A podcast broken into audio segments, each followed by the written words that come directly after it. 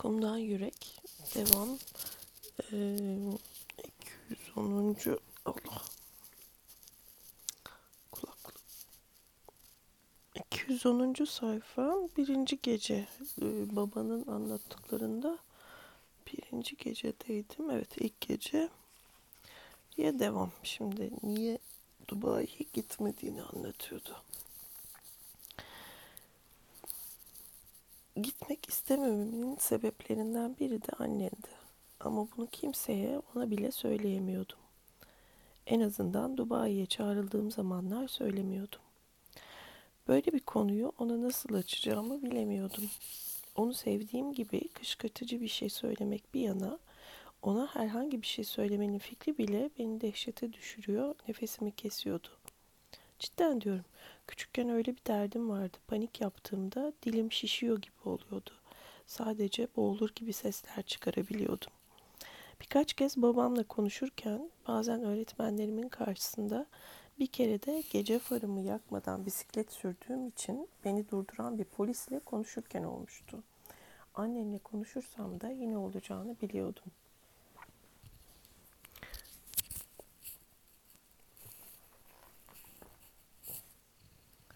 Diyelim bir şekilde o sözleri söyleyebildim. Annenin ne yapacağını epey iyi tahmin edebiliyordum. Evet, muhtemelen bana acıyarak bakacak ve kendine hakim olamayarak gülmeye başlayacaktı.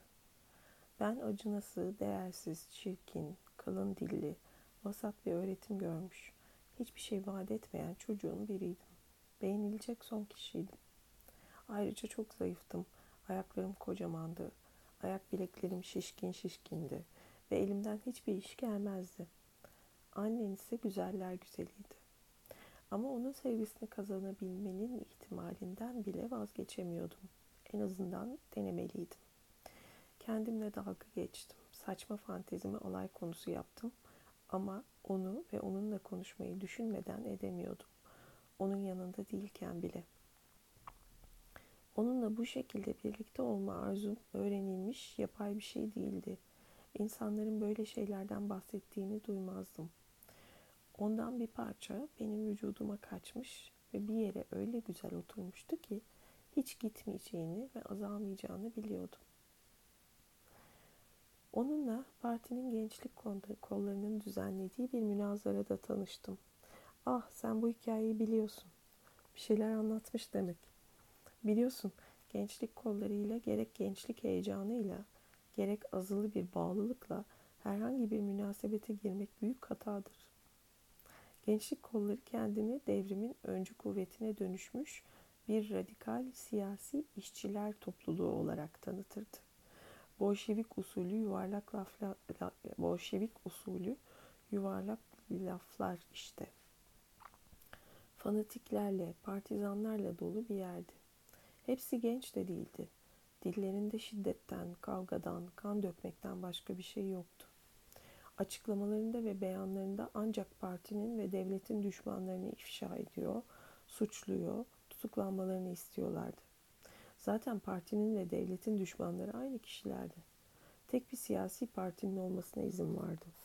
Çoğu Afrikalı hükümet emperyalist yardakçılarının, sosyal muhaliflerin, ve cinsi sapıkların soruları ve itirazları ile uğraşmamak için bu kolaylıktan faydalanıyordu.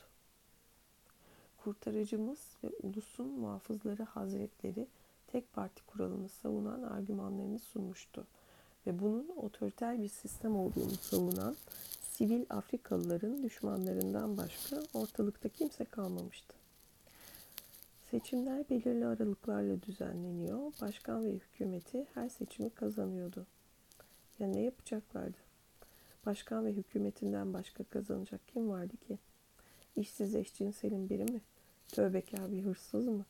Upuzun dilleriyle sistemi karalayanların inadı Afrika kültürlerinin karmaşıklığını anlayamamalarından kaynaklanıyordu.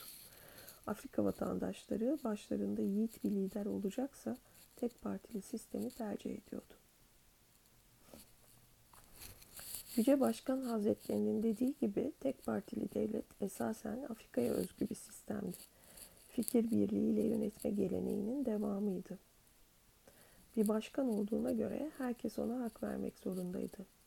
Başka bir parti kurmaya ne hacet vardı? Devlete yön vermekten artan zamanında şiir yazmayı seven bir diğer başkan hazretleri tüm vatandaşların tek partili devleti tercih etmesinin mantıklı olduğunu söylemişti. Bir muhalefet cephesiyle yarışma ortamı yaratıp işe fitne fücuru karıştırmaktansa tek partili devlet halkın konuşması ve kaynaşmasını körüklüyordu. Tüm dünyanın kıskandığı birlik ve itaati dayalı Afrika ruhunu serbest bırakıyordu. Şair hazretleri de itaatkarlığa pek düşkündü.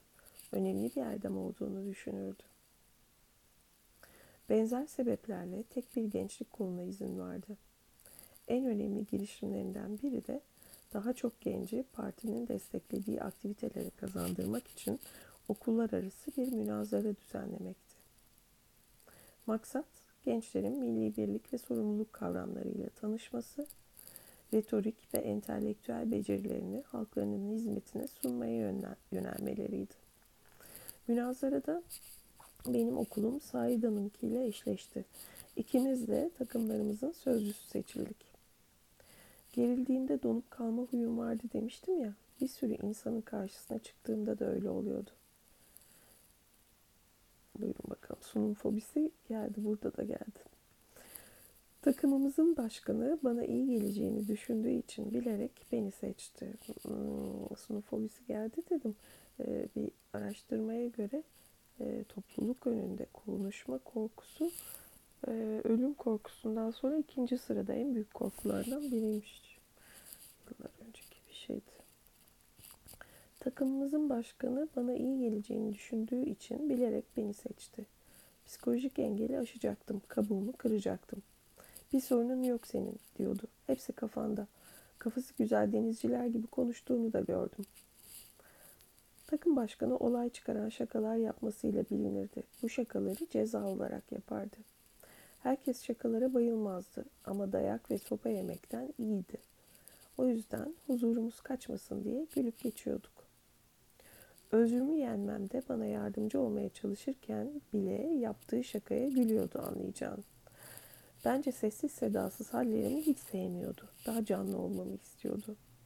Beceremezsen tek lokmayla tüm bir poğaçayı yutmuş gibi kalsam bile en azından gençlik kollarından gelenler güler, yine iyi iş çıkarmış olursun. Yürü hadi, canlarını oku, dedi. Münazara gençlik kollarının merkezinde yapılıyordu. Bugün yanından geçtiğimiz pazara yakın, gürültülü, üç katlı bir binaydı. Artık orada küçük dükkanlar ve tefeciler var. Devrimden önce diğer partinin genel merkeziydi. O zamanlar geleni gideni çok olurdu. Trafiği hiç durmazdı. Her yanından bayraklar ve armalar sarkardı. Önünde insanlar toplaşıp son dedikoduları paylaşırdı. Münazara zamanında ise gençlik kollarının merkezi olmuştu. Çok az eşya vardı, odalar bomboş görünüyordu. Eski halinden eser kalmamıştı, yıkıntıdan halliceydi. Hükümetin yendiği düşmanlarından intikamının bir parçasıydı bu da. En şık yerlerini harabeye çevirmişlerdi. Okuldan Yusuf diye bir arkadaşım vardı. Babası hükümette, iyi bir mevkideydi. Onunla oyun oynamaya birkaç kere binaya girmiştik. İyi arkadaşımdı. Daha da bahsedeceğim ondan ama siz hiç tanışmadınız herhalde. Yavrucuğum biraz aşağı kayar mısın? Azıcık. Tamam. Yusuf ile zemin katta oyunlar oynardık. Orada bir masa tenisi masasıyla bir hafta kırık bir pervane de vardı. Başka katlara ya da odalara hiç gitmemiştim. Sonradan öğrendim ki Saida binaya ilk kez giriyormuş. O yüzden üstünde bir gerginlik varmış. Gençlik kolları anlayışsızlığıyla ve kurban, kurbanlarını aşağılamasıyla bilinirdi. Bazen rastgele gibi görünen beklenmedik kişilere saldırırlardı. Daha da kötüsü bu Saida'nın babasını öldüren partiydi ve partinin tüm faaliyetlerinden uzak dura gelmişti.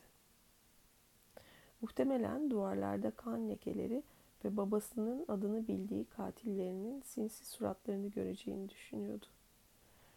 Münazarada akılda kalacak hiçbir şey olmadı. Etkinlik salonu ikinci katta bir odaydı. Tek gelenler jüri, dört organizatör ve dört yarışmacıydı. İki erkek lisesinden, iki kız lisesinden.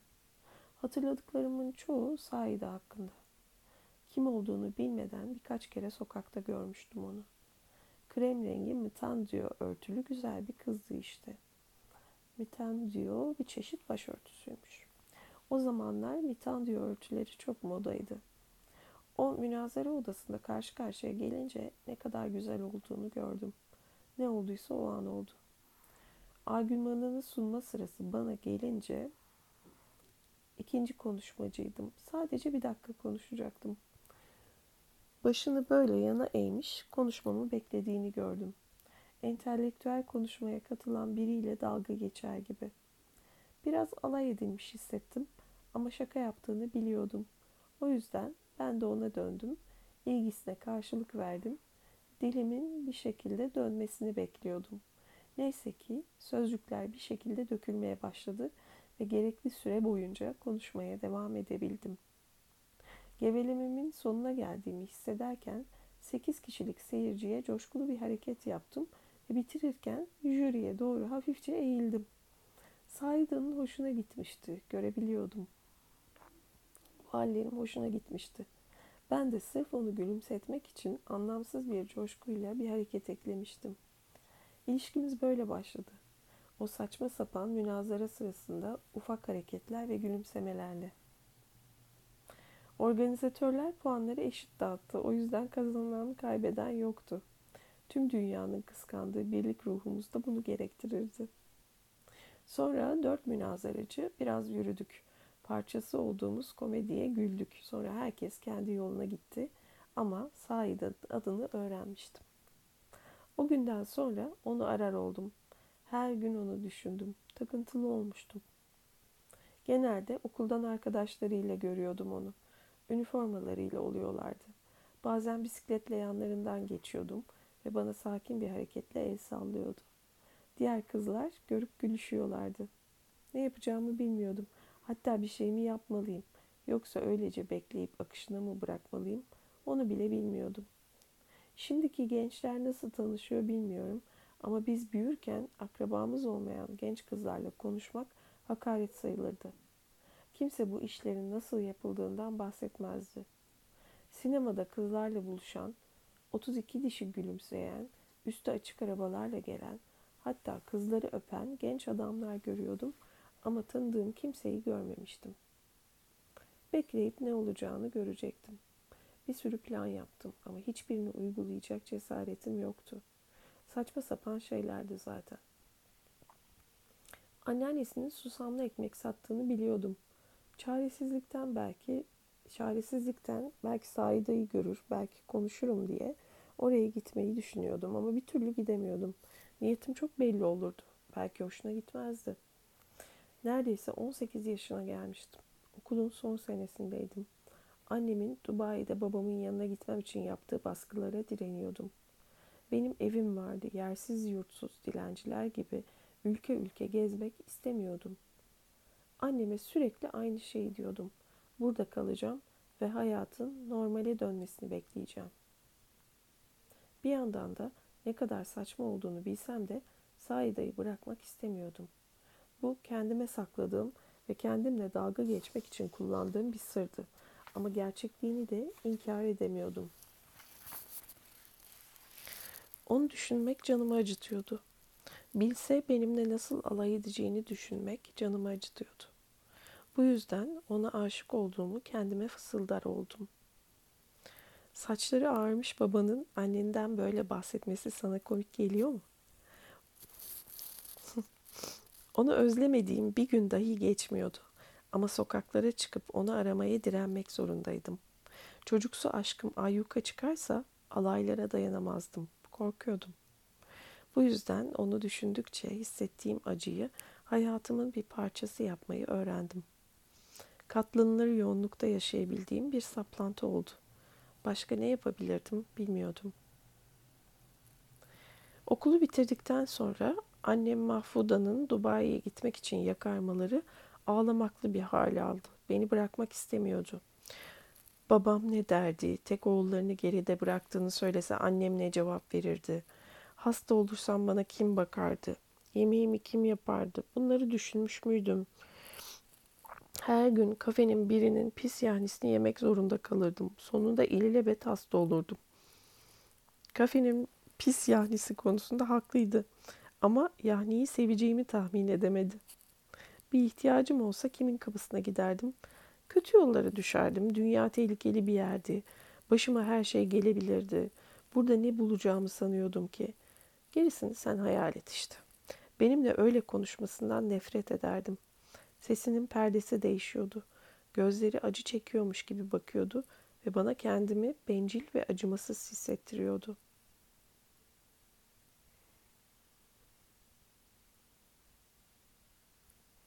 Birçok ergenin annesi hakkındaki yaklaşımı olabilir. Tekrar okuyacağım burayı.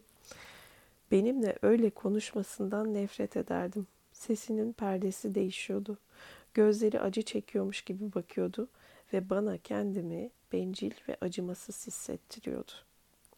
Kendimi açıklamaya çalıştığımda sesini daha da yükseltiyordu. Yakarışlarıyla ve sonunda gözyaşlarıyla beni utandırıyordu. Bazen komşumuz bir Meryem duysun da onun sesi de kendisininkine eklensin diye o kadar bağırdığını düşünürdüm. O zaman gitmeyi reddettiğimi duymayan kalmazdı. Hmm, bir Meryem'in oradalar tabi.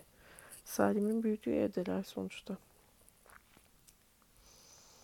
Kız kardeşlerim de gelmem için yalvarıyordu. İkisi de benden küçük biliyorsun. Canları abileri yanlarında olsun istiyorlardı. Bensiz aynı olmazdı.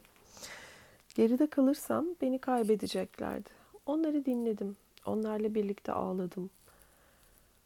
Azarlanmış gibi hissediyordum ama yine de gitmeyi kabul etmedim. Vay be.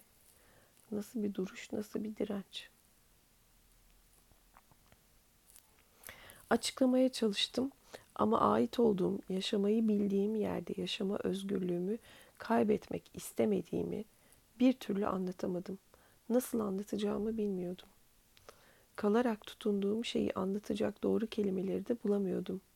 Kelimeleri bilsem bile dilim onları işlemek için çok kalındı. Kelimeleri doğru kullanamaz, ziyan ederdim. Burası da çok güzel. Kelimeleri bilsem bile dilim onları işlemek için çok kalındı. Kelimeleri doğru kullanamaz, ziyan ederdim. Kalın dil diye söylemişti kendi için bir yerde. Kalın dilliyim demişti. Demek bunu kastediyormuş. Kelimeleri bilsem bile dilim onları işlemek için çok kalındı. Kelimeleri doğru kullanamaz, ziyan ederdim. Bir daha babamın zulmü altında yaşamak istemediğimi söyleyemezdim. Annem ve kardeşlerim bunu çok yaralayıcı bulurdu. Saida'yı kaybetmek istemediğimi de söyleyemezdim. Daha ne onunla konuşmuştum ne bana karşı hisleri olup olmadığını biliyordum. Fikrimi değiştirmeyeceğim, gelmeye razı olmayacağım kesinlik kazandığında annem bana çok sinirlendi. İki gün boyunca benimle hiç konuşmadı. Kız kardeşlerim de surat asıyor, sadece alaycı ve gü- gücenmiş bir tonla konuşuyorlardı. Ancak sonsuza kadar böyle süremezdi elbette. Sonunda olan biteni kabullendik ve barıştık. Pasaport almalarına yardımcı oldum. Bir randevu koparana kadar her gün göçmenlik bürosunun önünde kuyrukta bekledim. Memur anneme ve kardeşlerime dair şeyler sordu. Ben de onların yerine cevap verdim. Erkek olduğum için hakkım vardı. Of. Sadece 3 ay süreyle ve Dubai'ye gidip gelmek için kullanılabilecek izinler aldılar. İzinlerinin geçerliliği bitmeden dönmezlerse bir daha seyahat etmelerine izin verilmeyecekti ve vatandaşlıklarını feshetmiş olacaklardı. Bu kadar sıkı kuralların ne manası olduğunu anlayamadım. Kalma kararımdan bir kez daha emin oldum. Evsiz bir dünya gezgini olmak istemiyordum. Biletleri geldiğinde annem yanında götüremediği eşyaları eşe dosta dağıttı. Biletler elden teslim ediliyordu. Evimize gelene kadar Dubai'den elden ele dolaşmıştı. Neden? Otoriter planlarımızı öğrenmesin diye. Ha otoriteler planlarımızı öğrenmesin diye. Vay. O zamanlar öyle bir kindarlık vardı ki memurun biri kafasına esti diye bizim biletleri yırtıp atabilirdi ya da kafası çalışıyorsa başkasına satabilirdi. Babam ayrıca bana biraz para yolladı. Emanetler güvendiği ellerle taşınmıyor olsa o kadar para hayatta bize ulaşmazdı. Annem çeyizlik mücevherlerinden kalanları hatıra olsun ve göz kulak olayım diye bana verdi. Dört altın bilezik, bir altın zincir. Uçağa binmeden üstlerini arayan uğursuz bir göçmenlik bürosu memurunun mücevherlerini çalmasından korkuyordu. Yurt dışına seyahat ederken üstündeki kıyafetler ve birkaç parça paçavra dışında bir şey almak yasaktı. Ulusal serveti yurt dışına kaçıramazdın. Göçmenlik bürosu memurlarının işlerini nasıl ciddiyetle yap yaptığını tahmin edersin. Seyahat günü hep birlikte taksiye bindik. Uçak gözden kaybolana kadar gidişlerini izledim.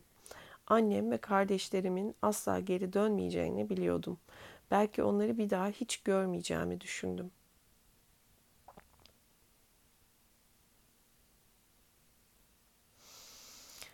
Bizi saran sessizlikten gecenin çöktüğünü anlayabiliyordum. Saat ona geliyor olmalıydı. Uzaktan gelen trafik gürültüsü kesilmişti. Kafeler radyolarını ve televizyonlarını kapatmıştı ve turistler hariç çoğu insan evine dönüyordu. Babam bir süre kendi düşüncelerine daldı. Sessiz kaldı. Sonra meraklı gözlerle bana döndü. Uykun falan geldi mi? Eve dönmek istiyor muydun? Yarın devam edebiliriz istersen, dedi. Sivrisinekler rahatsız ediyor değil mi? Yok yok etmiyor diye yalan söyledim. Sprey sıkarım şimdi gel biraz hava alalım. Kalkıp pencereyi kapattı ve odaya sprey sıkarken bana dışarı çıkmamı söyledi. Sonra zehir işini yaparken biz biraz yürüdük. Sokak lambaları yanıyordu ve fakirlere bayat ekmek, konserve balık ve süt veren bazı dükkanlar hala açıktı. Yolun bir tarafından gidip diğer tarafından döndük. Çöplerin arasından, sokak satıcılarının toplanmış tezgahlarının etrafından dolaştık. Bir kapının eşiğinde tortop olmuş uyuyan biri vardı. Üstü örtülü kapkara bir toprağa benziyordu. Yanından geçerken babamın adını söyledi. Dükkanların, tezgahların ve seyyar satıcıların bekçisiydi bu. Kendi kendine edindiği bir meslekti. Karşılığında dükkan sahipleri cebine birkaç kuruş para koyuyor, sabahları kahvaltısını veriyorlardı. Çamurlu bir birikintinin üzerinden atladık. Boş yolu geçtik ve kendimizi tekrar babamın odasında bulduk. Halıya oturup sırtımı duvara verdim. Babamın hikayesine devam etmesini bekledim. Ve baba hikayeye devam ediyor. Annem ve kardeşlerim gitmeden hemen önce okulu bitirdikten birkaç ay sonra sular idaresinde işe başlamıştım. Milletçe fedakarlık yapma dönemiydi. Amerika ve müttefiklerinin barış gönüllüleri, uluslararası gönüllülük hizmetleri, Dan Aid gibi gönüllülük programları vardı. Sovyetlerin ve Kübalıların ise üniformalarıyla uygun adım yürüyen, partiye ve ulusa hizmete hazır genç öncüleri vardı. Afrikalı devletlerin çoğu da bir disiplin ve hizmet ortamı yaratmak için kendi gönüllülük programlarını kurmuştu. Ben ve benim neslimin tecrübe ettiğimiz kadarıyla işin gönüllülük kısmı lafta kalıyordu. Bu da kuruma saygınlık katıyordu. Basbayağı ulusal zorunlu gönüllü hizmetti. Biz de sesimizi çıkarmadık tabii. Hükümet bütün mezunları asgari ücretle bir işe yerleştirdi. Çoğu ilkokullarda, ço- çoğu ilkokullarda babam gibi kıdemli öğretmenlerin altından çekilen koltuklara oturtuldu. Eğitim Bakanlığı kotasını doldurduktan sonra mezunların kalanı şehirdeki devlet dairelerine, politik ve fiziksel olarak uygunlarsa orduya, şanslılarsa ve bağlantıları varsa eğitimlerine devam etmek üzere sağa sola dağıtıldı. Ben arkadaşım Yusuf sayesinde şanslı olanlar arasındaydım. Hani gençlik kollarının binasında oyun oynadığım arkadaşım. Babası her yerde tanıdığı olan yetkili bir adamdı ve ikimizin de adını Eğitim Bakanlığı'nın listesinden çıkarttırdı. Çok kolay oldu. Yusuf meseleden babasına bahsetti. Babası iki dakikalık bir telefon görüşmesi yaptı. Yusuf babasının da çalıştığı Dışişleri Bakanlığı'na gitti. Orada bir kariyer yapmayı planlıyordu. Ben de sular idaresine gittim. Bakanlık kadar gösterişli değildi ama en azından yaşadığımız yere yakındı. Hiçbir yer o kasabaya çok uzak değildi zaten en azından kırsala açılana kadar. Yine de iki sokakta bir bölgenin iki sokakta bir bölgenin adı değişiyordu ve insanlar o adın kullanılması için ısrar ediyordu. Gereksiz gösteriş işte, şiir gibi. Ne kadar karmaşık olursa o kadar güzel olur diye düşünüyorlardı. Detaylardan zevk alıyorlardı. Bilinen şeyleri unutmamak için inat ediyorlardı. Bu cümle tekrar tabi. Gereksiz gösteriş işte. Şiir gibi. Ne kadar karmaşık olursa o kadar güzel olur diye düşünüyorlardı. Detaylardan zevk alıyorlardı. Bilinen şeyleri unutmamak için inat ediyorlardı. Her sokağa isim vermenin bir işe yaradığı yoktu aslında. Zaten o kasabada kimse kaybolamazdı. En azından orada yaşayan ve orada uzun süredir bulunan insanlar kaybolmazdı. Ziyaretçiler bu yerlerin ancak birkaçının adını öğrenirdi ve genelde baş döndürücü yolların oluşturduğu labirentte nerede olduklarını anlayamazlardı. Zaten çoğu sokağın başında adı yazmazdı.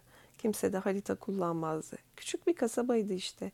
Nerede olduğunu bilmiyorsan anlayana kadar yürürdün ya da saf görünmekten çekinmiyorsan birine sorardın. Devlet dairesinde çalışmak her gün beyaz gömlek giymem ve onu çıkarmak zorunda kalmamam anlamına geliyordu. Zira üstümü çıkarınca güneşte göğsüm terliyordu. Müteahhidin birinin kaprisini çekmek ya da birisi bana bağırırken geçenlerin gülüşlerine katlanmak zorunda kalmıyordum. Her günün sonunda yemiyemi almayı beklemiyor ve ertesi gün gelmeme gerek olup olmadığını merak etmiyordum. Pencereyi yakınca denizden esen rüzgarın geldiği bir masada oturuyordum. Sular çekildiğinde hava sıcaksa esinti ofisin karşısındaki saatini yakınında akan pis derenin kokusunu da getirirdi.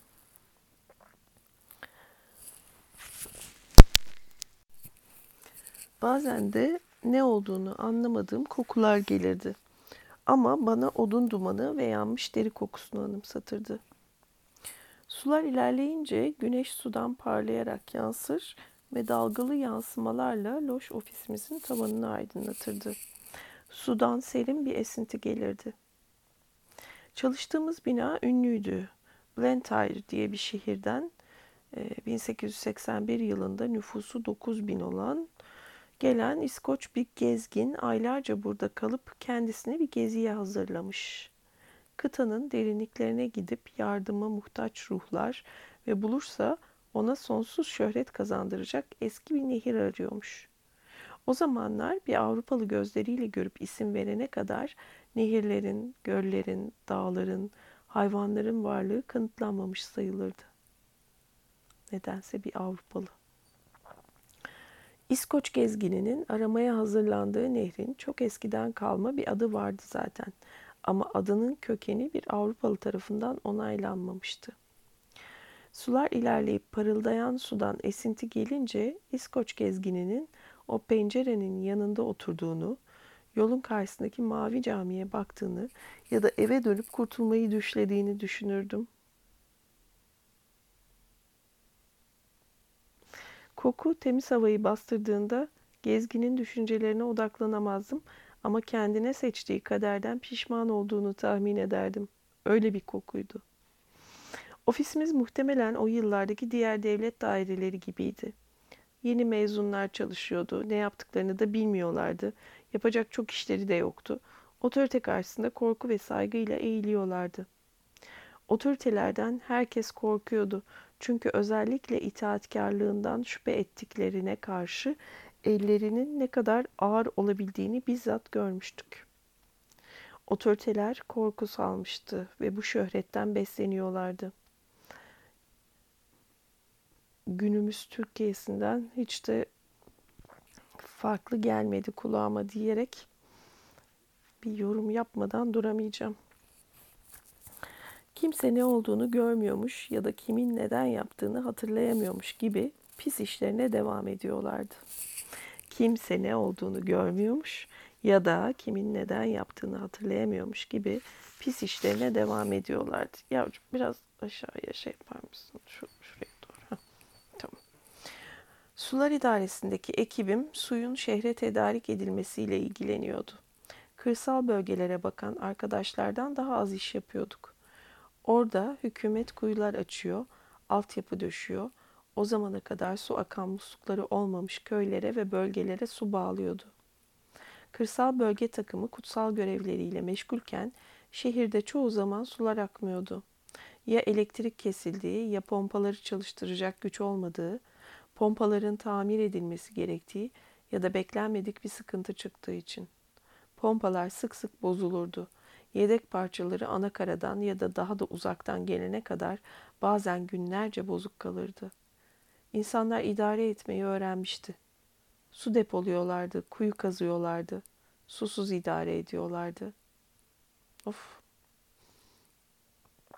Hayal bile edemeyeceğimiz bir dünya muhtemelen. Su tesisatı çok eskiydi. Çoğu 1880'lerde Omani hükümdarlığının alacakaranlık günlerinde İngilizler dünyanın bize ait küçük köşesinde sabırsızca kontrolü ele almayı beklerken Sultan Bargaş tarafından yaptırılmıştı. Sultan olmadan önce Bargaş, kardeşi Macit'e sui Macit, Macit herhalde Macit'e suikast girişiminde bulunduğu için İngilizler tarafından Bombay'e sürgün edilmişti. Omani prensler kardeşlerine suikast düzenlemek için hep fırsat kollardı. Babaları 15 yaşındayken sultan olabilmek için kuzenini kendi elleriyle öldürmesiyle tanınıyordu. Krallık ziyafeti sırasında göğsüne bir hançer saplamış, sonra kuzen yaralarından ötürü yere yığılana kadar onu kırsal bölgeye kadar kovalamıştı. Uğursuz Vahabi gaspçı. Uğursuz Vahabi gaspçı. Game of Thrones'a döndü. İngilizler iki tarafın birbirini katletmesine hiç karışmıyordu. Küçük toprağımızı iyiliğimizi istedikleri için değil, dünyanın düzenine kendileri karar vermek istedikleri için almışlardı. Sırf kendi kaprisleri için olsa bile. Bunu sürün, bunun yerine başkasını getirin, muhalifleri asın, hatta bütün şehri bombalayın, dümdüz edin. Ne olacak ki? Kimin iktidar sahibi olduğunu, kimin boynunu eğip söz dinlemesi gerektiğini belli etmek için bunlar gerekliydi.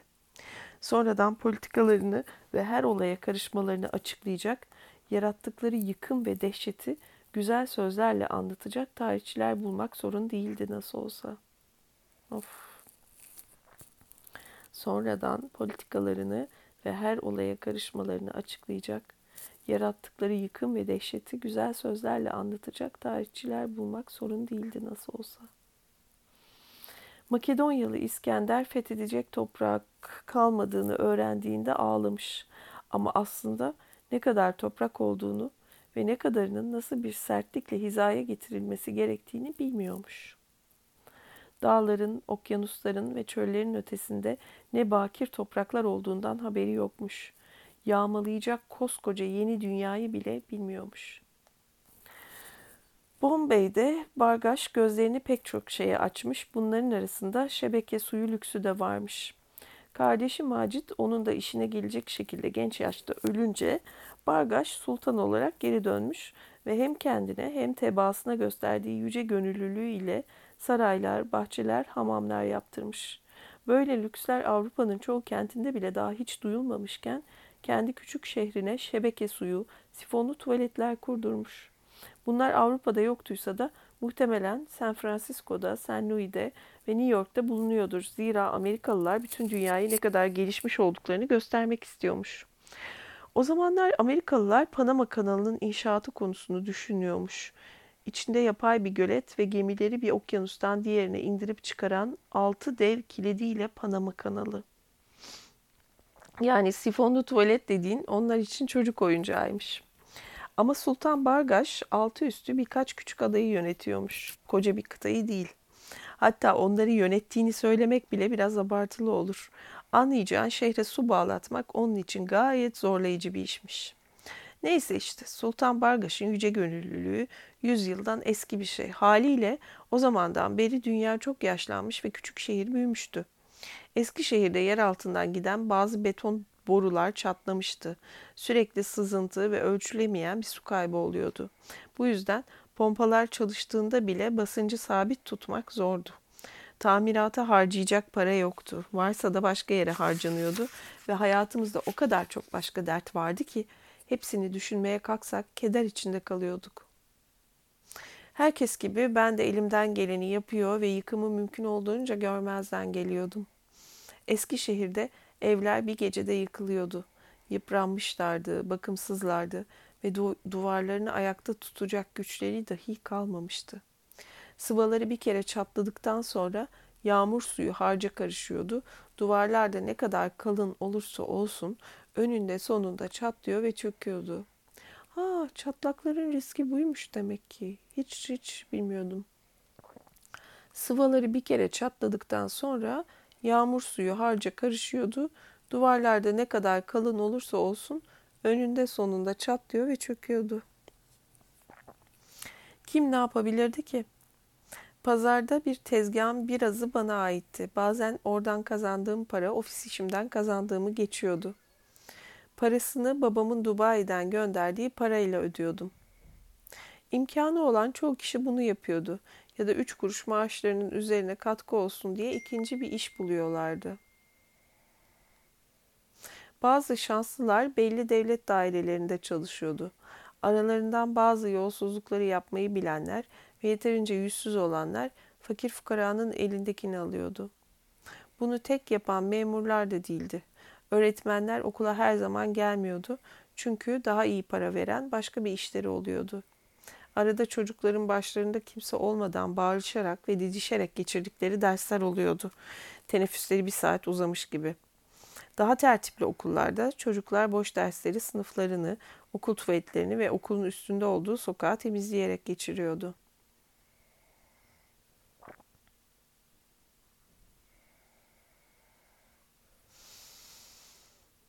Şimdi muhtemelen bu bölüm bitti. Babanın anlattığı 3 yıldız Asterix geldi. Ee, Salim kendi tarafına dönüyor. Doğduğum, annemle, babamla ve kardeşlerimle paylaştığım o güne kadar her gecemi çatısının altında geçirdiğim evde tek başıma yaşıyordum. Ha yok, babası anlatmaya devam ediyor. Pardon. Genelde üç şey koyunca, yıldız koyunca Salim'e dönüyordu. Öyle zannettim ama yok. Dönmüyormuş. Bayağı anlatıyor vallahi sayfalara bakıyorum da bölüm sonuna 224. sayfadayım. 245'e kadar ilk gece. Devam. Doğduğum annemle babamla ve kardeşlerimle paylaştığım o güne kadar her gecemi çatısının altında geçirdiğim evde tek başıma yaşıyordum. O güne kadar bir kere bile o evde tek başıma uyumamıştım. Boşluk ve sessizliğin sinirimi bozacağını, çocukluğumuzdan beri bildiğimiz gece korkularına kapılacağımı tahmin ediyordum. Başta evin sessizliği ve dışarıdaki seslerin ne kadar farklı geldiği beni şaşırttı. Boğuk, yakından ve bazen kötücül geliyorlardı. Sokaktan geçerken boğazını temizleyen birinin sesi beni çok gerdi. Sandalet seslerinin uzaklaşıp kaybolduğunu duyana kadar nefesimi veremedim. Pencereleri ve kapıları kapatıp cibinliği örtünce ve üstüme bir battaniye çekince güvende ve serbest hissettim. Sanki tüm tehlikeler dışarıda kalmıştı. Evde kiracıydık ama ev sahibi olmak yasalara aykırı olduğu için evin sahibi kira istemeye korkuyordu. Wow. Ev resmen hükümete aitti ama bu yolla o kadar çok eve el konmuştu ki resmi gazetede yayınlanan yağmalamaya kibarca böyle deniyordu. Evleri takip eden devlet dairesi durumu idare etmeye çalışıyordu ve evlerdeki kiracılara henüz bakamamışlardı. Ev deniz kenarında bir malikane olsaydı başka türlü olurdu tabii. O zaman havasından geçilmeyen memurlar işlerini bir gün geciktirmeden yapardı. Ama karanlık bir caddede iki odalı bir baraka olduğu için resmen tanınmak için sırasını bekliyordu. Bu anlaşma devlet dairesinin işine geliyordu. Torpil satarak ve süreci kafalarına göre hızlandırarak ceplerine para dolduruyorlardı.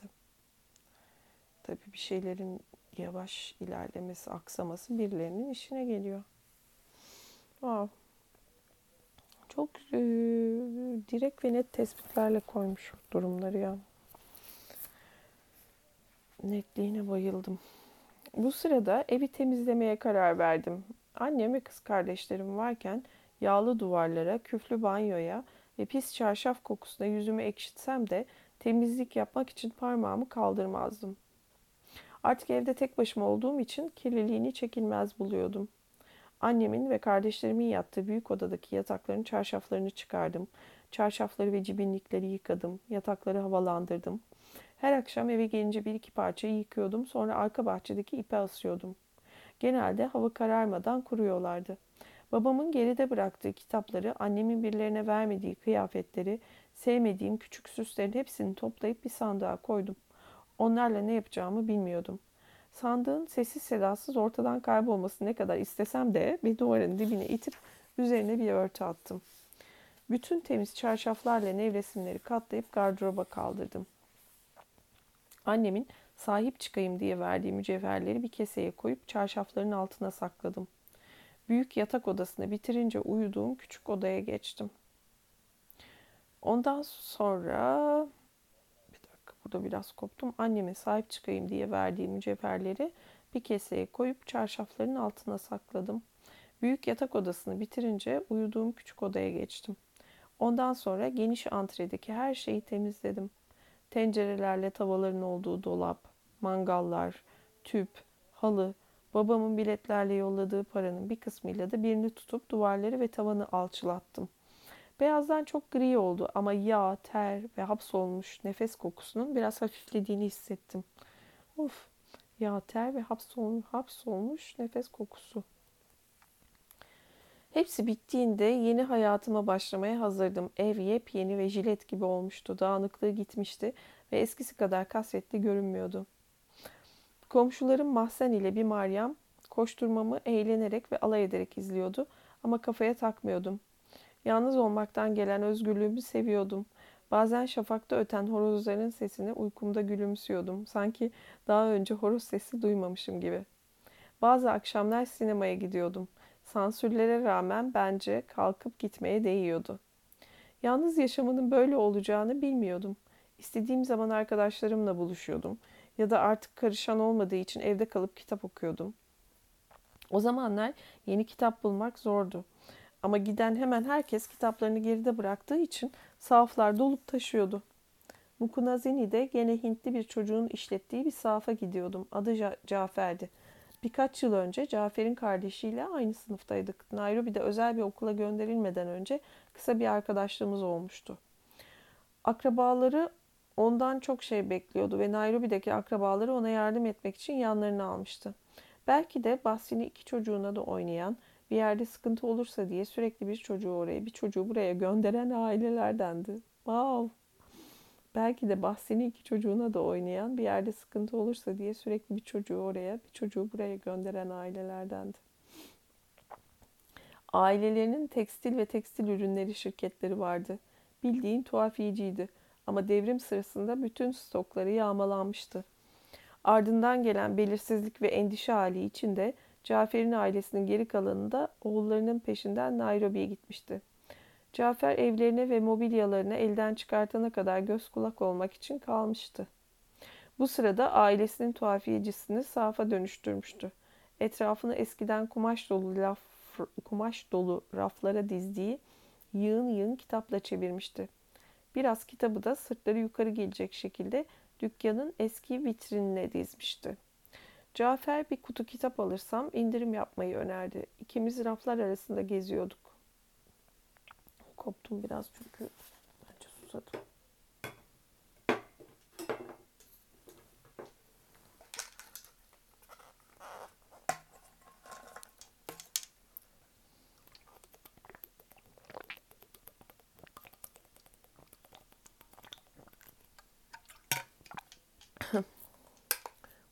Nasıl ses tonuma yansıyor duyuyorum tonuma yansıdığını. Devam. Cafer bir kutu kitap alırsam indirim yapmayı önerdi. İkimiz raflar arasında geziyorduk. Hatta dükkanın arkasına bile geçiyorduk. Sahafını çok seven, hep bir sahaf işletmek isteyen Cafer bana tavsiyelerde bulunuyordu. Kitapların çoğunu bizzat okumuş gibiydi ya da öyle davranmasını gerektiren bir tüccar kişiliğine bürünmeden edemiyordu. Karışık kitaplardan bir kitaplık oluşturdum. Sir Walter Scott'ın dört ciltlik tüm eserlerini aldım. Ivanhoe filmini izlediğim için kovboy romanları aldım. Gizem romanları aldım. Binbir Gece masallarının kısa versiyonunu aldım. Bir çocuk ansiklopedisi aldım. Cafer onu hediye olarak verdi. Bir de Collins'in bastığı William Shakespeare tüm eserlerini aldım. Shakespeare'in harfleri çok küçüktü ve kağıdı zar gibi inceydi ama kitap yine de ağırcaydı. Kalınlığı bile 6 santimetre vardı. Daha önce hiç Shakespeare oyunu okumamıştım. Eve gelince merakla kitabı elime aldım. Gözümü korkutmasını bekliyordum. En ünlü oyunlarının açılış sahnelerini denedim. Bir ders antolojisinde Mark Antony'nin konuşmasını okuduğumuz için Julius Caesar, çizgi romanını gördüğüm ve içinde hayaletlerle cadılar olduğunu bildiğim için Macbeth, diyetini ödeme fikri beni şaşırttığı için Venedik taciri, tekrar bu cümleyi okuyacağım. En ünlü oyunlarının açılış sahnelerini denedim. Bir ders antolojisinde Mark Antony'nin konuşmasını okuduğumuz için Julius Caesar, çizgi romanını gördüğüm ve içinde hayaletlerle cadılar olduğunu bildiğim için Macbeth, diyetini ödeme fikri beni şaşırttığı için Venedik taciri. Ama hiçbirini birkaç sayfadan fazla okuyamadım. Sonra başka birini denedim. Bu sefer metne hiç çaba göstermeden kaptırdım kendimi. Veronalı iki centilmendi ve gece geç saate kadar oyunu okudum. Aylarca başka bir oyun okumadım. Veronalı iki centilmen. Kendimi kaptırmadan ağır ağır gidiyordum. Gizem ve kovboy romanlarımdan tüketiyordum. Sevdiklerimi bir daha okuyordum. Ah, ne kadar güzel bir dönem yaşıyormuş yalnız. Evde istediği kadar zamanı var. Yatıyor, kalkıyor, kitap okuyor. Sahaflara gidiyor. Arkadaşından kitap alıyor, kitap. İmkanım olduğu zaman Cafer'den o kitap kutularını almaya o zaman başladım.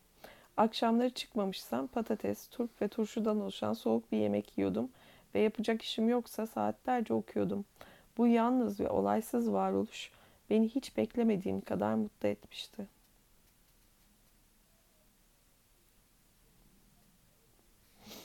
Yurt dışına çıkışlarının 3 aylık süresi dolduktan sonra annem ve kardeşlerim dönmediler.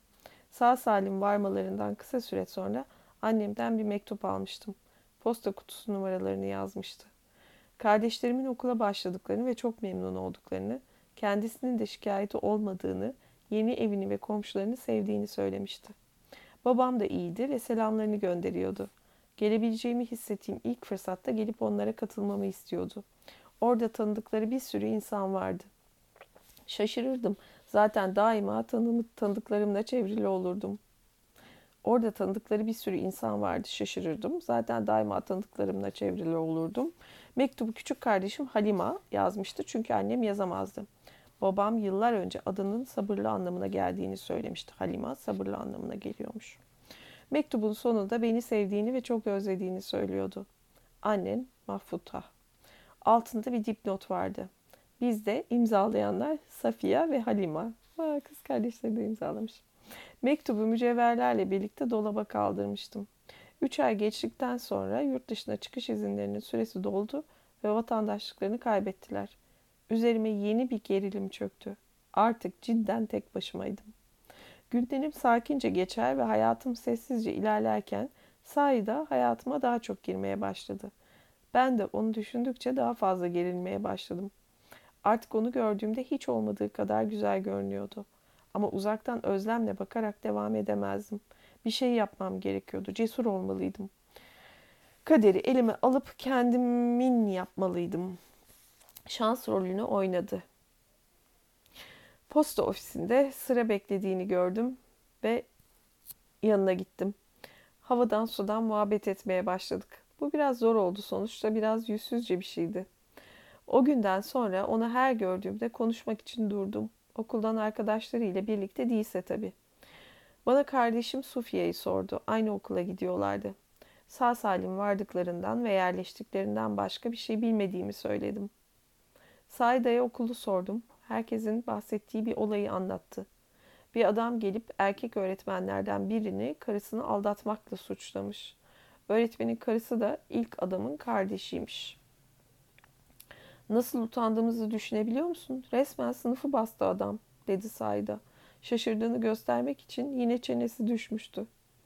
Öğretmen de dondu kaldı. Zavallı adam namustan, utançtan bahsedip durdu.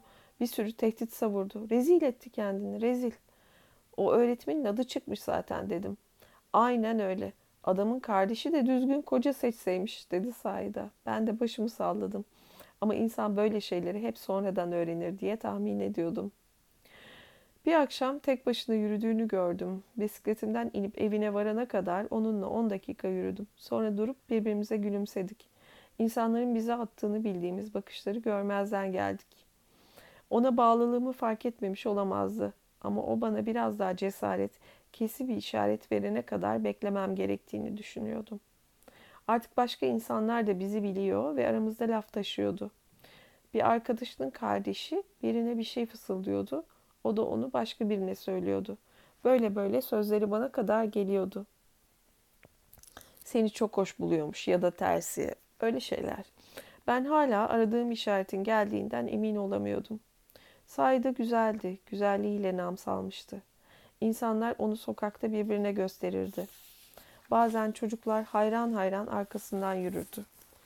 O yıllarda insanların nesillerdir uyduğu cinsellik kuralları bir kenara bırakılmıştı. Hükümetin yeni sahipleri ve alt kurumları hükümetin yeni sahipleri ve alt kurumları arzuladıkları kadınların peşinden hiç utanmadan gidiyordu. Belki de kadınları utandırmak için bilerek yüzsüzlük yapıyorlardı. Erkeklerin yendikleri rakiplerine üstün gelmek için kardeşlerine ve karılarına saygısızlık ettiği gibi.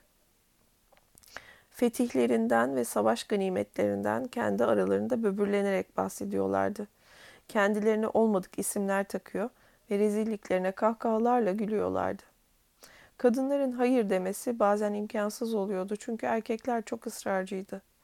Sevdikleri için korkuyorlardı. Ailelerinin ihtiyaçlarının kesilmesinden korkuyorlardı ve sorumluluklarını anlıyorlardı. Bazı insanlar kızlarının büyüyünce beklediklerinden daha güzel olmasını bir lanet olarak görüyordu. Güzel kızın varsa rahat uyuyamadığın bir dönemdi. Bütün güzel kızlar zorlandığını düşünmüyordu ama. Bazıları bütün hayatlarını gözetim altında geçirdikten sonra beklenmedik bir özgürlük içinde kalmış gibi hissediyordu. Bunun zevkini başlarına ne gelebileceğini önemsemeden çıkarıyordu. Bu boş vermişlikle hayatımızdan bir şey, bir ayıplama, duyarlılık ve dostluk kalitesi eksildi. Hmm. Sayda hem yaşı hem güzelliği itibarıyla bu avcı gözlerden kaçmazdı. Ona başta dolaylı ve nazikçe yaklaşırlardı. O da çoğu genç kız gibi onları hemen geri çevirirdi. Lüks hükümet arabasıyla bırakılmayı reddeder ve otelde kahve içme davetine hayır derdi. O bayağı yüzsüzlük. Oteller, hükümet arabaları falan filan. Ama artık okulun son senesindeydi. Mezun olup iş ya da yüksek eğitim fırsatlarını değerlendirmeye hazırlanıyordu. Bunlar sözü geçen bir baba ya da sevgilinin yardımıyla çok daha kolaylaşabilirdi. Kızlara karşı jestler bu dönemde ısrara dönüşürdü. Akbabalar arabalarını okulun çıkışına park edip şanslı kızların çıkmasını beklerdi. Oha! Sahi de artık ona ilgimi fark etmişti ve sanırım yamuk gülümsememi herkesinkinden daha çok beğenmişti. Ama o da ne yapacağından emin değildi. Okuldan arkadaşları mezun olmalarını kutlamak için bir parti düzenlemeye karar vermişti. Okulun büyük salonunu kullanmak için izin aldılar. Böylece anne babalar çocuklarının başında birilerinin olduğunu bilecekti. Anne babalar bu plana ancak kardeşlerini de götürürlerse partide akşamüstü ve güneş batmadan olursa izin vermişti. Tüm bu önlemlerin amacı bir facianın ve utanç verici bir olayın önüne geçmekti. Bir yerden bir kitap, bir pikap, bir yerden bir pikap bulunacaktı. Yeni mezunlar da anne babalarının plaklarını getirecekti. Ayrıca okul dışından birkaç arkadaşlarını yani erkekleri çağırmalarına da izin vardı. Bir sonraki karşılaşmamızda sahida davetlisi olmamı istedi. Oh, büyük haber. Birkaç plak çalacağız, dans edeceğiz ve abur cubur yiyeceğiz dedi. Seve seve gelirim dedim. Hayatımda hiç dans etmemiştim. Olacak şey değil. Ben kiminle dans edebilirdim? Muallim Yahya ne derdi? Bunun için arkadaşım Yusuf'tan hızlandırılmış bir ders almam gerekti. O böyle şeyleri bilirdi. Radyodan müzik çalarken nasıl sallanıp süzüleceğimi gösterdi. Beceriksiz çabalarıma gülmekten Yusuf'un gözlerinden yaş geldi. Zaten zor olan egzersiz iyice çekilmez oldu. Sen bana takılma, vücudunu oynatmaya devam et. Hepsi bu kadar. Öyle kol kola dans edeceğiniz cinsten bir parti olmayacak zaten, dedi. Parti demeye bin şahit ister. Çocuk pikniği gibi bir şey. Partiye gittiğimde her yaştan genç insanla dolu olduğunu gördüm. Bayram şenliği gibiydi. İnsanlar yemek yiyor, bağırıyor, itişiyor. Arkadan zayıfça gelen müziği dinliyordu. Dans etmeye ayrılmış az bir alan vardı. Orayı da şov yapan birkaç kişi istila etmişti. Tom Jones It's Not Unusual'ı, Ray Charles Unchain My Heart'ı söylerken pick-up'ın etrafına toplanmışlardı. Saida ile yaslanacak bir duvar bulduk. Ay çok tatlı bir atmosfer şu anda hayal ediyorum. Tekrar okuyacağım burayı.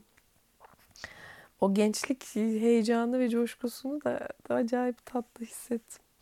Partiye gittiğimde her yaştan genç insanla dolu olduğunu gördüm. Bayram şenliği gibiydi. İnsanlar yemek yiyor, bağırıyor, itişiyor. Arkadan zayıfça gelen müziği dinliyordu. Dans etmeye ayrılmış az bir alan vardı. Orayı da şov yapan birkaç kişi istila etmişti. Tom Jones It's Not Unusual'ı Ray Charles Unchain My Heart'ı söylerken pick-up'ın etrafına toplanmışlardı. Saida ile yaslanacak bir duvar bulduk. Bir şekilde ellerimiz dokundu. Kaçamak bir el tutma olmuştu ama her şeyi anlatmaya yetmişti. Ayrılırken bileziğini çıkarıp bana verdi. Aslında teneke, altın rengine boyalı sadece, dedi. Değerli metallerden yapılmış gibi ciddiyetle kabul ettim. Onu bir daha gördüğümde güzelliğinin ayı gölgede bıraktığını ve hayatımın ışığı olduğunu söyleyen bir not verdim. Romeo ve Juliet okumuştum. Ayı gölgede bırakmak sözünü oradan almıştım. Hayatımın ışığı olduğu kendi sözümdü. Bir dahaki sefere o bana bir not verdi. Yumuşak sesimi sevdiğini ve beni bazen uykusunda duyduğunu yazmıştı. Gençlik aşkı çok güzel bir şey. Birbirimizi neredeyse her gün görüyorduk. Genelde çok kısa sürüyordu ama buluşmanın zor olması onu daha da tatlı yapıyordu. Bizi gören kimse olmadığından eminsek el ele tutuşuyorduk ve yeterince tenha bir yerdeysek öpüşüyorduk. Dudaklarımızı aralayıp kısaca değdiriyorduk sadece ama ne kadar tatlı geliyordu anlatamam. Ona güzel kokan nefesi hakkında bir not yazdım. Tek başına yaşadığım bir evim vardı ama beni ziyaret etmesini önermeye hayatta cesaret edemezdim. Saygısızlığım onu utandırırdı ve amacımı yanlış anlayabilirdi. Onun da gelmek isteyebileceğini hiç düşünmedim. Bazen evde benimle olduğunu düşünüyordum. Yatakta beni beklediğini düşününce sabah işlerimi yapmak bile bana heyecan veriyordu. Bir gün Kikwajuni'deki evlerine gittim. Bibi beni görsün diye. Normalde böyle hassas meselelerle bir teyze falan ilgilenirdi ama benim bu işe uygun akrabam yoktu. Ben de kendimi tanıtmaya tek başıma gittim. Bibi beni iyice süzdü. Kendine özgü içten üslubuyla sohbet ettik. Araya ailemle ilgili detaylı sorular sıkıştırıyordu. Babamı, meşhur muallim Yahya'yı elbette tanıyordu. Annemi de biliyordu. Ama kardeşlerimi çıkaramıyordu.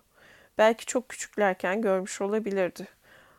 Arap topraklarına gitmelerine Tanrı razı mıydı? İnşallah yolları açık olurdu da zengin Arap bir koca bulurlardı. Tüm genç kızların hayali bu değil miydi? Saide hararetle, hayır genç kızların hayali hayatlarına bakmak dedi. Bibi sinsice kıkırdadı. Kuru ve çatlak dudaklarını büzdü.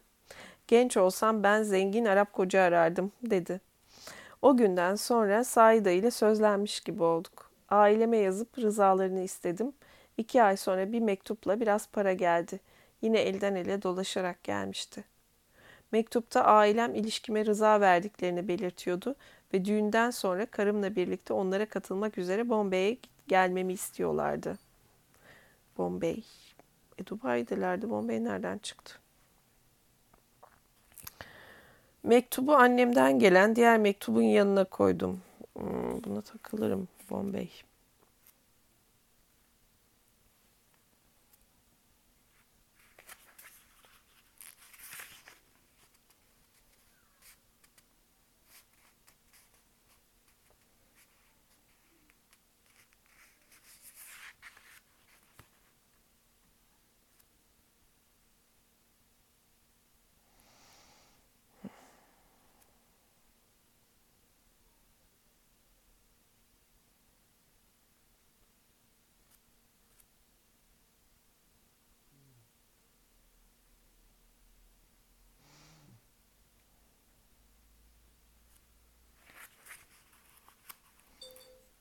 Evet Dubai ya.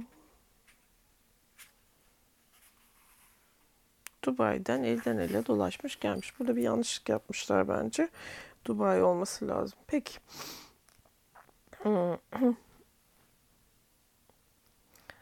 Ee, mektubu annemden gelen diğer mektubun yanına koydum. Babamın gönderdiği paranın birazıyla pazardaki tezgahtaki payımı arttırdım. Babam yatakta sırt üstü yatıyordu. Anlattığı anıya gülümsüyordu.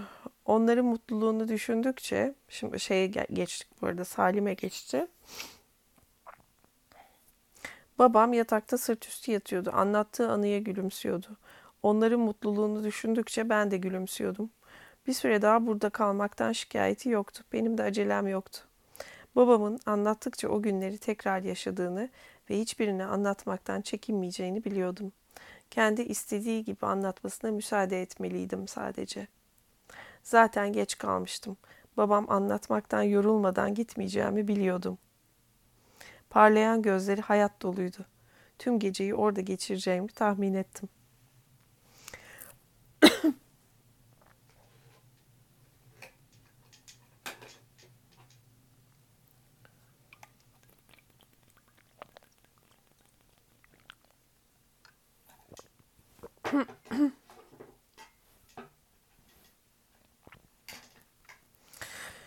Babası devam ediyor anlatmaya. Ay, sesim. Genç yaşta evlendik. Yetişkin çocuklar gibiydik ama usullerimize göre çok genç sayılmazdık. İlk birkaç ay adeta kendimize ait bir cennette gibiydik. Kimse bizi rahatsız etmiyordu. Oh balayı. Arada bir, bir bizi görmeye geliyordu. Bir Meryem de o sınırını bilmez halleriyle varlığını hissettiriyordu. Eğitim sistemimizi inceleyen Norveçli bir kurum Saida'ya geçici bir iş teklif etti. Nedendir bilinmez. Eski öğretmenlerinden biri Norveçliler için çalışıyordu ve Norveç'te okumak için burs alabilmeyi umuyordu. Saida'ya işi de o ayarlamıştı. Yani paramız az olsa da çoğu kişiden daha rahat yaşıyorduk. Amir sık sık geliyordu. O sırada Bibi ile yaşıyordu ama orada rahat olmadığını ve bizimle yaşamak istediğini Saida'dan biliyordum. Ama Saida onu Bibi'nin ona ihtiyacı olduğuna ikna ediyordu. Sen Bibi ile hiç tanışmadın. Tam bir melekti. Herkes öyle derdi. Yaşlanıyordu. Artık işlerini zor görüyordu. Geceleri acıyla inliyordu. Sabahları ayağa kalkmak için birkaç dakika çabalıyordu. Odanın bir köşesini Amir'e ayırmışlardı. Kalanını ortak kullanıyorlardı. İpli yatakta Saida, yerde Bibi. Yataktaki tahta kurularından kurtulmak için yatağı her gün arka bahçedeki güneşe çıkarmışlardı. Güneş böcekleri kavurup öldürmüştü. Sonra da Hindistan cevizi lifinden döşek yerine pamuk lifinden döşek almışlardı. Saida her sabah Bibi'nin kalkmaya çalışırkenki inlemeleriyle uyanıyordu. Saida'nın yardımını kabul etmiyordu. Tanrı'nın vücudunu böyle zayıf ve güçsüz yarattığını söylüyor doktora gitmeye razı olmuyordu. Of bakış açısı. Tanrı beni böyle yarattı. Ben de bu acıyı çekeceğim demek ve bunun çözümüne gitmemek.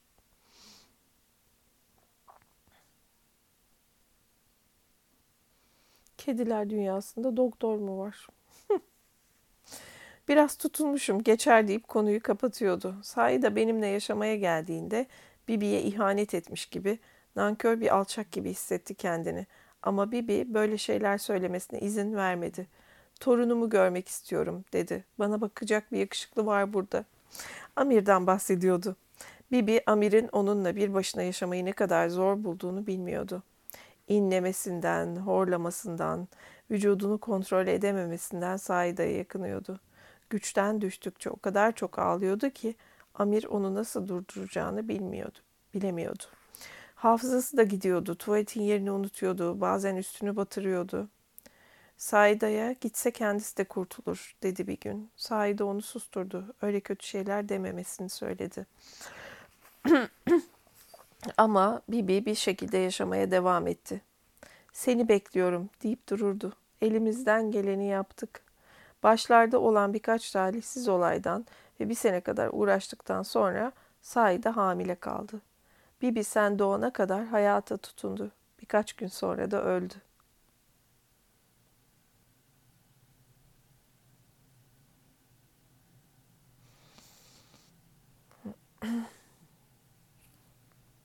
Yorum yok.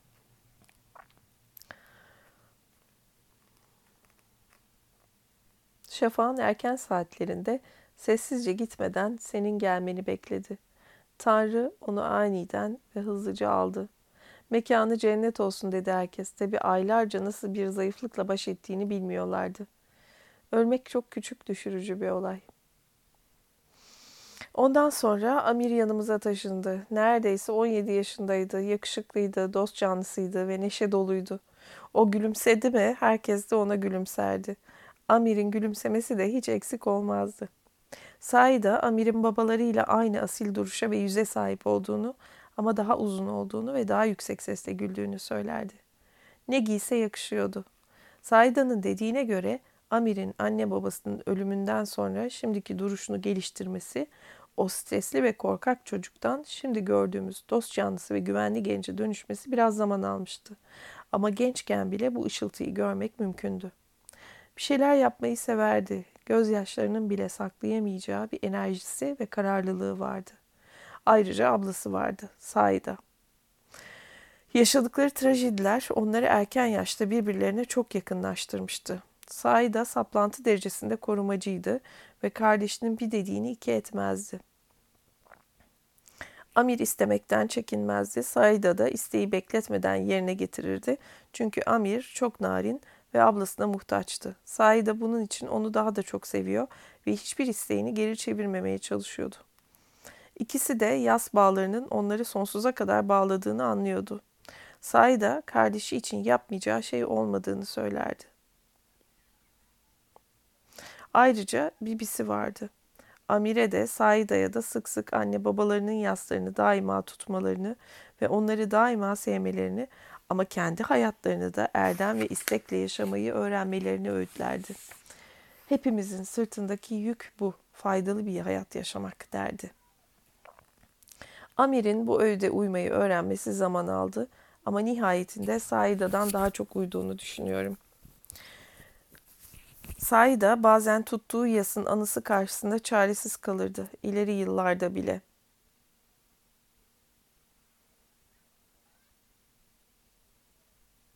Amir'in bu öğüde uy uymayı öğrenmesi zaman aldı ama nihayetinde Saida'dan daha çok uyduğunu düşünüyorum.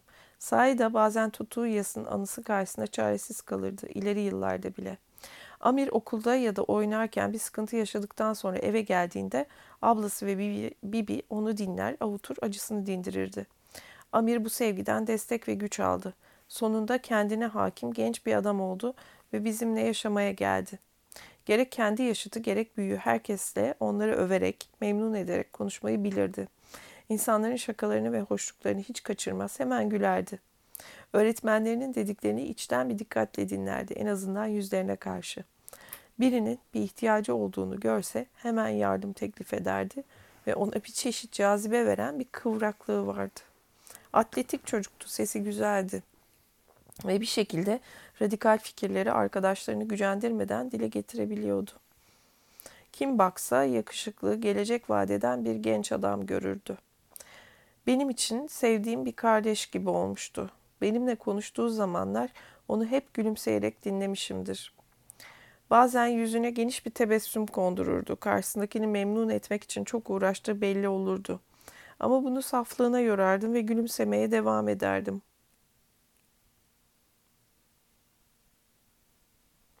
Zamanla kendini bu kadar zorlamasına gerek olmadığını öğrenirdi nasıl olsa. Amir evde hiç müzik olmadığını gündeme getirince ona ikinci el bir radyo kaset çalar aldım. Makul bir paraya bulunabiliyor olsa yenisini de alırdım. Amir sabaha kadar radyodan müzik dinler, sevdiklerini kasete çekerdi. Sevdiklerinin çoğu Amerikan ve İngiliz pop grupları olurdu. Odasında kaydettiği şarkıları tekrar tekrar bazen saatlerce dinlerdi. Evde herkesin keyfi yerindeyse bize şarkı söyler, eşlik etmeyi öğretirdi. Sözleri yazar, bizi orkestra şefi gibi yönetirdi. Okulda seçmeli ders olarak gitar çalmayı öğrenmeye başladı. Normalde biyoloji öğretmeni olan Muallim Ahmet öğretiyordu. Kendi gitarı olsa da evde pratik yapabilse ne güzel olurdu ama imkanımız yoktu işte. Amire harçlık olacak biraz para ayırabiliyordum. O parasını kıyafet almak için biriktirirdi. En büyük zevkleri müzik ve kıyafetti. Aynı hevesi derslerine göstermiyordu ama sınavlarından hep bir şekilde iyi not alıyordu. Ödevini kontrol etmesini ya da sınavlarına hazırlanmasını söylediğimizde bunu hep hatırlatırdı. Sorun yok, konuyu biliyorum derdi. Bazen başının etini yememize dayanamazdı. O zamanlar ödevini sahide bitirirdi. Okuldan kurtulmak için sabırsızlanıyordu ve bunu dinleyen herkese her fırsatta söylüyordu. Gitar öğretmeni bir gün Amir'i çaldığı grubun provasına davet etti. Gitariste ihtiyaçları yoktu ama acilen bir vokal bulmaları gerekiyordu. Gitar öğretmeni bir gün Amir'i çaldığı grubun provasına davet etti. Gitariste ihtiyaçları yoktu ama acilen bir vokal bulmaları gerekiyordu. Bir denemek ister miydi? Hem gitaristlere bakarak kendi gitar tekniğini de geliştirebilirdi. Bu arada öğretmenin sahne adı Muallim Ahmet değil, Edi'ydi. Ama Amir'in adında sorun yoktu, sahneye yakışıyordu. Bu konuşmayı ablasıyla bana anlatırken kendini geliştirme imkanının özellikle üzerinde durdu. Aylaklık etmeyecekti, gitar çalışını ilerletecekti. Adının sahneye yakıştığını söylediğinde gülümsemekten kendini alamadı. Grup hafta sonları bir dans kulübünde çalıyordu. Provadan sonra Amir'i de kulüpteki konserlerine çağırmışlardı. Hala öğrencisin ama dedim. Sınavların geçmesini beklesen daha iyi olmaz mı? Suratını asıp ablasına döndü.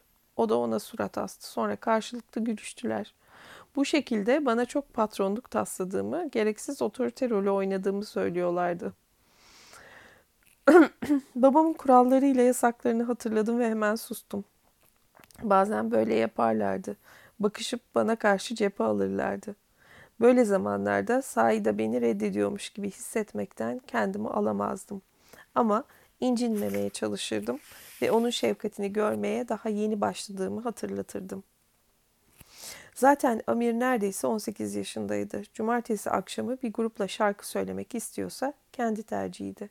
Hem öğretmeni muallim Ahmet Edi de yanında olacaktı. Sabaha karşı geldiğinde yatak odamızın camını tıklattı. Gidip kapının sürgüsünü açtım. Çok güzel geçtiğini söyledi. Hep söyledi hem de. Takip eden aylarda Amir grupla sürekli söylemeye başladı. Haftada birkaç akşam prova yapıyorlardı. Bazen hafta sonları iki ya da üç kere sahne alıyorlardı. O çok sevdiği İngiliz ve Amerikan şarkılarını çalıyorlardı. Hala sabaha karşı geliyordu, camımızı tıklatıyordu. Ben kalkıp ona kapıyı açıyordum. Sayda ise saatin kaç olduğunu öğrenmek istemediği için ya da şikayet edersen beni duymamak için uyuyor taklidi yapardı. Kendimi saatin geç olması dışında şikayet edecek bir şey olmadığına ikna etmiştim. Saatten endişe etmemin sebebi de dışarının biraz ürkütücü olması ve Amir'in belli bir saatte dönmemesiydi. Son aylarda Amir'in okula devamsızlık sorunu olmamıştı. Sınavlarını iyi geçebilmek için fazladan çabayla çaba bile harcıyordu. Dersleri için bir hevesi varmış rolü yapmıyordu ama gerekeni de yapıyordu. Sınavlarını verdikten sonra gururla okulla işinin bittiğini duyurdu. Artık bir grupta vokalisti. Çok parlak bir akademik kariyeri kenara ittiği de yoktu zaten. Yeni mezunları asgari ücretle devlet dairelerine yerleştiren yönetmelik uygulamadan kalkmıştı. Devlette verecek iş kalmamıştı. Amir gruplarının kazandığı paradan bir pay alıyordu. Eline geçen biraz para vardı yani. Ona pazardaki tezgahta iş teklif ettim ama istemedi. Gruptan az para kazanıyor olmasına rağmen provalara vakit ayırması gerektiğini söyledi. Bazı geceler eve gelmiyordu. Bazı günler öğle yemeği saati gelene kadar yataktan çıkmıyordu. Kalkınca esniyor ve geç kalktığı için kendine gülüyordu. Kıyafetleri sigara ve alkol kokmasına rağmen nefesinden alkol kokusu alamıyordum. Konuyu Saida'ya açtığımda sadece siniri bozuldu. Ömrünü heba ediyor dedim. Ne iyi huylu bir çocuktu eskiden. Bir sorun çıkacak bu gidişle. Heba ediyor da ne demek diye sordu. Oysa ne demek istediğimi gayet iyi biliyordu. Yapacak başka işi yok. Bir tek pazarda senin için bamya satma şansı var. Bırak grubuyla çalsınlar işte. Ne zararı var ki? Müzik dehası olamaz demiyorum. Sadece deli dolu yaşayan, çok yaşamayan müzisyenlerden olmamasını istiyorum dedim. Amir'i korumaya ne kadar yatkın olduğunu bildiğim için hemen uzlaşma yoluna gittim. Ben de burada durmuş onun büyümesini engellemeye çalışıyorum ama geceleri eve gelmemesinden hoşlanmıyorum. Merak ediyorum, aklımdan çıkmıyor. Saida sessizce başını salladı. Bir süre konuşmadık. Sonra Amir'le konuştum. O da önce sessizce başını salladı. Sonra neden endişelendiğimi anladığını ama endişelenmeye gerek olmadığını açıkladı. Sadece düğünler gibi gece dönmesi çok zor yerlerde kaldıklarında eve dönmüyordu. Zaten alelacele, dön, alelacele dönmeye de hacet yoktu değil mi? Elinde olsa bana önceden haber verirdi ama bu işler öyle yürümüyordu. Sık sık geç saatlere sarkabiliyordu. Merak etme, hanene utanç getirmeyeceğim dedi gülümseyerek. Benimle dalga geçtiğini düşündüm. O konuşmadan sonra Amir bir süre cumartesi gecelerini dışarıda geçirdi ama haftanın diğer günleri eve geldi. Saida ile eski rahatlığımıza dönmek için birlikte çalıştık. Grubun nasıl gittiğini sorduk. Amir'in sesini övdük ama neşemiz kaçmıştı bir kere. Artık sözlerimize daha çok dikkat ediyorduk. İçimde kötü bir his belirmeye başlamıştı.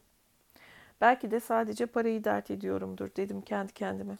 İkamet Bakanlığı oturduğumuz evi gerçek sahibine geri vermişti. Şimdi yıllardır ödemediğimiz kiraları istiyordu adam. Bir sürü eski ev sahibi başvuru yapıp evlerini geri almıştı. Tabi biraz para ve yalakalık karşılığında. Ev sahibi kapıma geldiğinde makul olmasını rica ettim. O kadar parayı nereden bulabilirdim? Parayı istemek onun hakkıydı. Ödemeyi erteletip pazarlık yapmak da benim hakkımdı.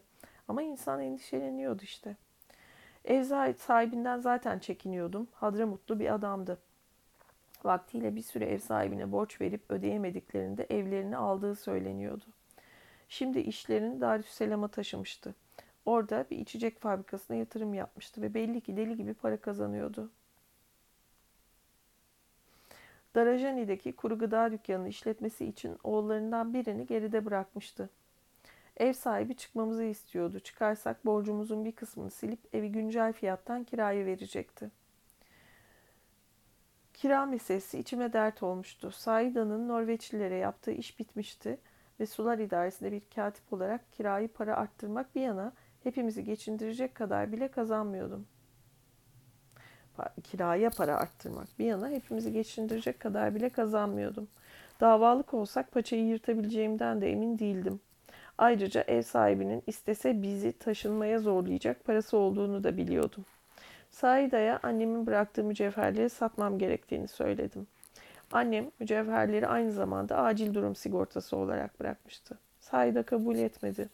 Altın bilezikleri değerinin altına satmış olacağımızı söyledi. Dişimizi sıkıp idare edeceğiz hayat normale dönene kadar dedim. Gülümsedi çünkü durum kötü göründüğünde hep böyle derdim. Hayat normale dönene kadar.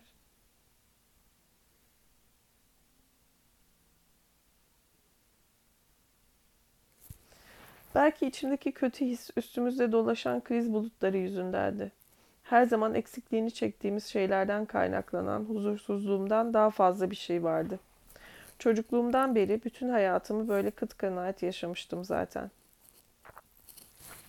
Babam burada yaşarken hiç konforlu yaşamamıza yetecek kadar kazanmazdı. Bombay'daki dolgun maaş dedikoduları doğruysa muhtemelen artık durumları böyle değildi.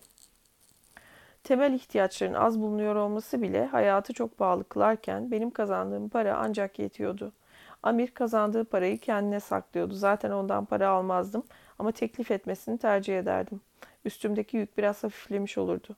Ama Amir'in başına Saida'yı da üzecek bir şey gelmesinden cidden korkuyordum. Görünüşe bakılırsa öyle bir şey gelecek zaten. Koştura koştura o felakete doğru gidiyoruz.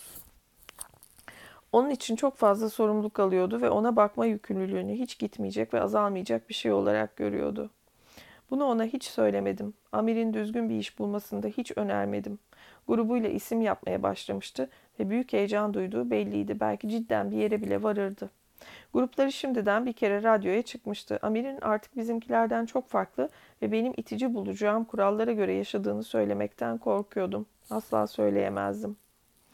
O hayatın kokusunu üstünden alabiliyordum. Gözlerindeki sertleşmiş ifadede ve bazen duygularına ihanet eden alaycı bakışlarında görebiliyordum. Endişelerimi Saida'ya açtığımda kardeşini öfkeyle savunuyordu ve o konuşmaların zehrinden öyle nefret ediyordum ki Amir'in adını anmaktan bile kaçınır olmuştum. Amir evdeki bu atmosferi hissetmiş ve kendisiyle ilgili olduğunu tahmin etmiş olmalıydı. Ama bu da konuşmadığımız bir diğer şey oldu geçti. Bu aralar bir televizyon konusu açıldı. Gıda kıtlığı, dökülen evler ve sabundan pul bibere uzanan bir lüks eksikliğine rağmen hükümet ülkeye bir televizyon hizmeti getirme vaktinin geldiğine karar vermişti.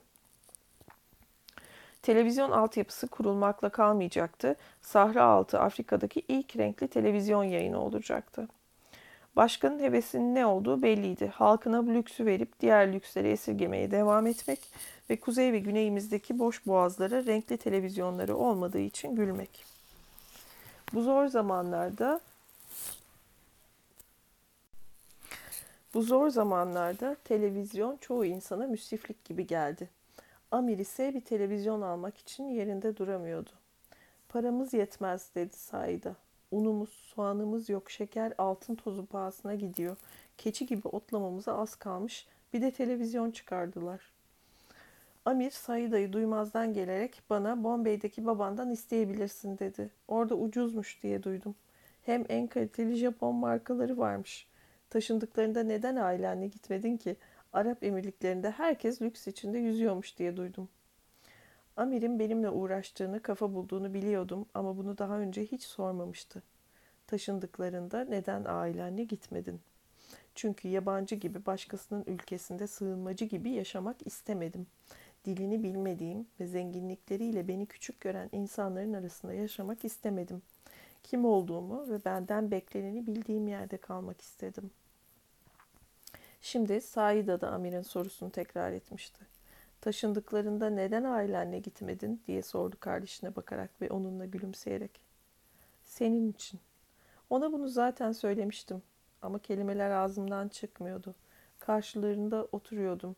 Onlar bakışıp gülüşürken dilim ağzımda yumruk gibi olmuştu. Hemen konuyu değiştirdiler. Herhalde cevap vermek istemediğimi düşündüler. Yaşadığım dehşet de yavaş yavaş azalarak söndü. Aptal ve dışlanmış hissediyordum. Yetersizliğimi nasıl açıklayacağımı bilmiyordum. Karşılıklı gülüşmelerinde Amir'in bana karşı antipatisini görür gibi oldum. Benden epey nefret ettiğini düşündüm. 1970'lerin ortasında çoğu şey değişmeye başlamıştı. İlk yıllarında başkan suikaste uğradı. Tebaası için kurdurduğu renkli televizyonu hiç izleyemedi. Yeni başkanın atanması başlangıçta devletin içindeki dizginsiz şiddeti azaltmadı. Uzun zamandır uğraştıkları düşmanlarının üstüne artık bir de suikastçiler çıkmıştı. Çoğu eski yoldaşlarıydı. Halka açık duruşmalar düzenlemeleri, birilerini sınır dışı etmeleri, gaddarca sürgüne göndermeleri ve gönülsüzce birkaç af çıkarmaları gerekiyordu. Yeni başkan ise daha ılımlı bir adamdı. Eski öğretmendi Oymak Beyliği yapmıştı ve dindar olduğu söyleniyordu. Yeni hükümet ufak değişiklikler yapmaya başladı. Bunlara gelişme demek daha iyi yerlerde doğacak kadar şanslı insanlara komik gelir. Artık insanlar seyahat edebiliyordu, para gönderip alabiliyordu, daha çok alıyordu ve önceden sürgüne gönderilenler ülkeye geri dönebilecekti. Hükümet halkın bölgesel kararlarının alınma sürecine katılmasına izin vererek despot duruşundan bir adım geri attı. Seçimler duyuruluyordu, mitinglere izin veriliyordu, bağıra çağrı anonslar ve konuşmalar yapılıyordu. Ancak oylamanın sonucunun düzeni bozmasına müsaade edilmiyordu. Yeni işletmeler açıldı. Küçük işletmelerdi ve bazıları yeniden dükkan açan eski işletmelerdi. Ama çoğu son yıllarda devletin parasını cebine atanların yeni yatırımlarıydı. Butikler, kahveciler, seyahat acenteleri, ana karadan tatil paketleriyle gelen turist akınının ihtiyacını karşılayacak oteller. Yeni başkanın getirdiği değişim atmosferi içinde Amir, Amir bir seyahat acentesinde iş buldu. Şarkıcılık kariyeriyle kazandığı hatırı sayılır şöhretin üzerine bir de bu eklenmiş oldu. Çok az bir maaş alıyordu ve Saida evin harcamalarına yardım etmesini istemenin ayıp olacağını düşünüyordu. Tadımız kaçmasın diye bir şey demedim. Ama işin amire iyi geldiğini görebiliyordum. İşe giderken kısa kollu beyaz gömlek giyiyor ve siyah kravat takıyordu. Yakasında da kalkan bir uçak şeklinde bir rozet vardı. Nairobi'deki genel merkezden gelen telefonlara bakıyor, Addis Ababa ve Hong Kong'a telgraf çekiyordu. İnsanlar seyahat planlarını güvenceye almak için ona geliyordu. Görevliler ve memurlar kafalarına göre planları değiştirebiliyordu çünkü. Eve gelince Brüksel'e giden yolcuların 24 saat gecikmesine sebep olan karışıklık sadece 7 yolcuyla Kahire'ye inen uçak gibi hikayeler anlatıyordu. İnsanların seyahat ettiği yerleri söylemenin Amir'e ne kadar zevk verdiğini görebiliyordum. O yerlerle bir bağlantısı olması onu bizden daha havalı yapıyordu. Bize tepeden bakıyordu. Senin devlet okuluna başladığın sene Saida da iş aramaya karar verdi. Çünkü iki düşükten sonra belki de ikinci çocuğumuzun olacağı yoktur diye düşünmeye başlamıştık. Sabahları devlet okuluna, öğleden sonra Kur'an kursuna gidiyordun. Eve sadece öğle yemeği yemeye ve üniforma değiştirmeye geliyordun. Saida'nın yerine ben markete gidiyor ve tüm işlerini yapıyordum. Bütün gün temizlik yapıyorum, yemek yapıyorum, uyuyorum, başka bir şey yaptığım yok derdi.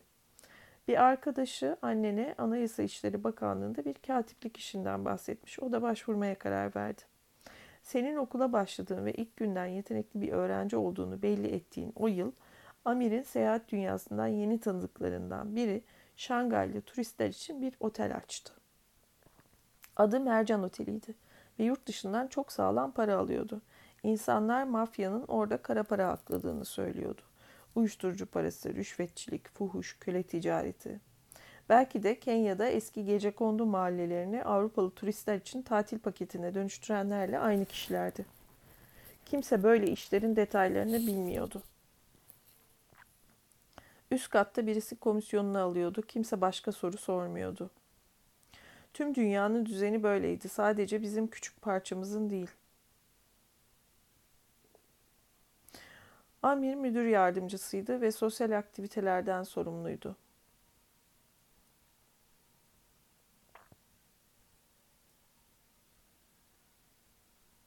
Bir saniye burayı kaçırdım. Tamam kara para aklıyorlardı takıldım çünkü. Belki de Kenya'da eski gece kondu mahallelerini Avrupalı turistler için tatil paketine dönüştürenlerle aynı kişilerdi. Kimse böyle işlerin detaylarını bilmiyordu. Üst katta birisi komisyonunu alıyordu. Kimse başka soru sormuyordu. Tüm dünyanın düzeni böyleydi. Sadece bizim küçük parçamızın değil. Amir müdür yardımcısıydı. Ha, otele müdür yardımcısı oldu. Okey. Ve sosyal aktivitelerden sorumluydu. Müziği ve grupları ayarlıyordu. Etkinlikler düzenliyordu. Havuz görevlilerini denetliyordu. Taşra'da baharat toplama gezileri düzenliyordu. İşi bize anlatırken tam benlik diyordu. Hem kişilikli hem tarz sahibi birine göre. 25 yaşındaydı. Yakışıklı ve cana yakın bir genç adamdı. Kendini pek beğeniyordu. Bu daha başlangıç diyordu ve evi sohbetle kahkahayla dolduruyordu. Ben ise yıllardır bizim üzerimizden geçindiğini, kibirli muhabbetiyle sempatimi azalttığını düşünüyordum.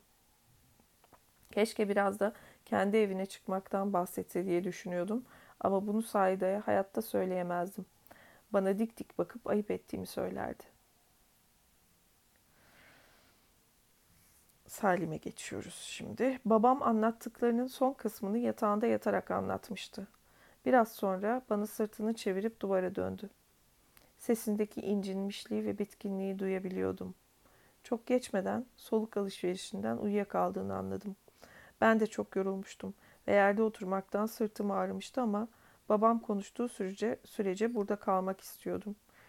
Işığını kapatıp odasından çıktım. Kapının yanındaki köşede kasaya bakan Ali adlı genç adam uyuyordu. Bana kapıyı açıp arkamdan tekrar kilitledi. Sessiz sokaklardan yürüyerek Kiponda'ya döndüm. Ana caddeden gittim. Kasvetli ara sokaklara girmedim. Birinci gecenin ve dokuzuncu bölümün sonu. Kumdan Yürek devam. 10. bölüm ikinci gece. Baba anlatıyor e, hikayeleri Salim'e. 247. sayfa.